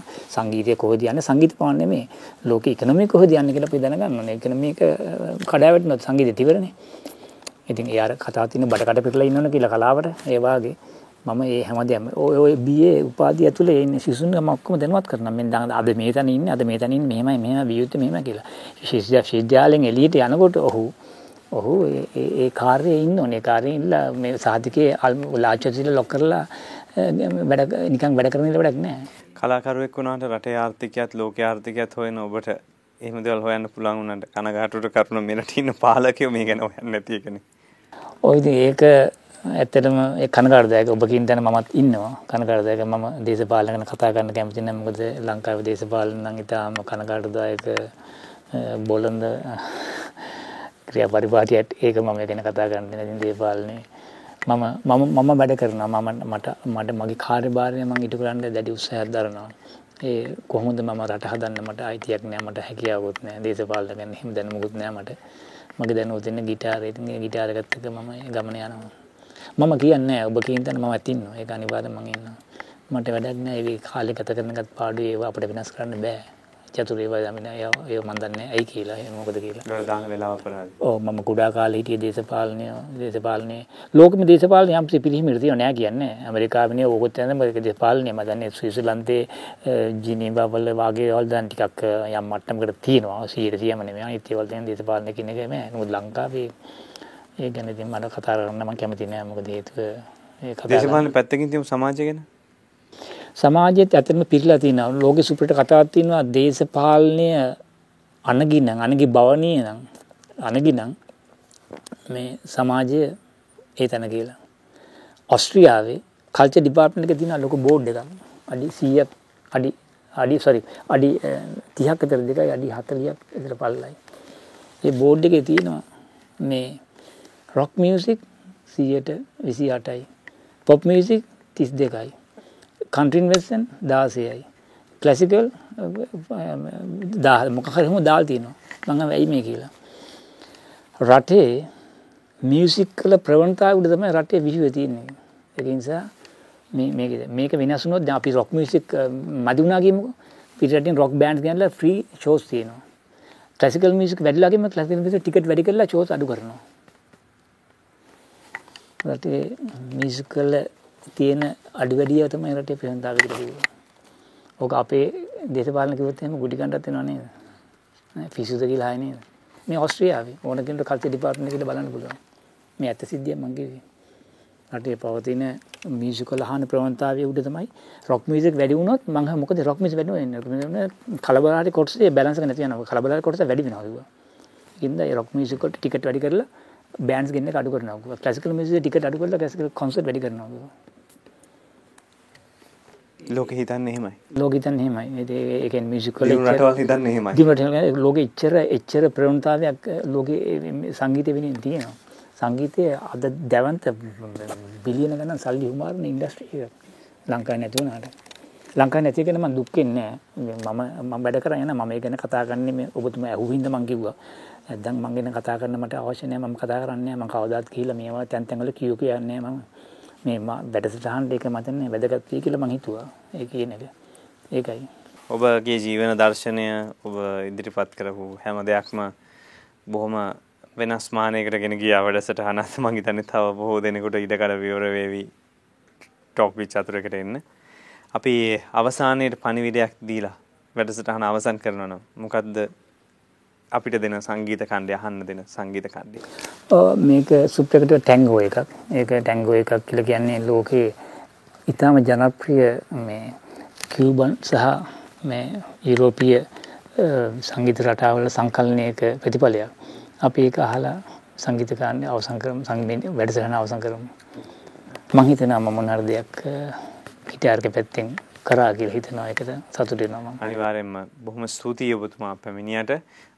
අපේ වැඩසටහන ආලෝකමත් කරන්න අද දවසේ පැමිණියේ අපේ ඉල්ලීම් පිටගෙන අපි ඉතාමත්ම සීමිත තෝරා ගැනීම සිදු කරන්නේ වැඩසටහනේ. අද ආපු කෙනා විදියට ඔබ දන්නවා අමරනාත් රණතුංග මහත්මයා ලෝකෙම පිළිගැනීමට ලක්ව තිබෙනවා වාදන ශිල්පියෙක් විදිහට ඒ වගේම ලෝකයේ ප්‍රධාන වාද්‍ය වෘන්දවල පිළිගැනීමට ලක්වෙච්ච වාදන ශිල්පියෙක් ඒ වගේම මේ ආතාමත් මාසන්නේදීත් ලෝකයේ මේ රටවල් දෙසියෙම හොඳම වාදකයින් 300 දෙනා අතරට ඇවිල්ලා තියෙනවා. ඒ අතර ඔහු ඉන්නවා. ඉතින් මේක එක දෙක තුන නෙමෙයි. ඉතින් අපි සංගීතය කොච්චර වැදගත්ද කියන එක සහ අපිට තියෙන ජීවිත ජීවන දැක්ම අපේ පුද්ගල වශයෙන් අපි ඇති කරගත යුතු දේවල් බොහොමයක් කතා කළා. අපි එමනම් ඔහුට සමුදෙමු. බොහොම ස්තුතියි.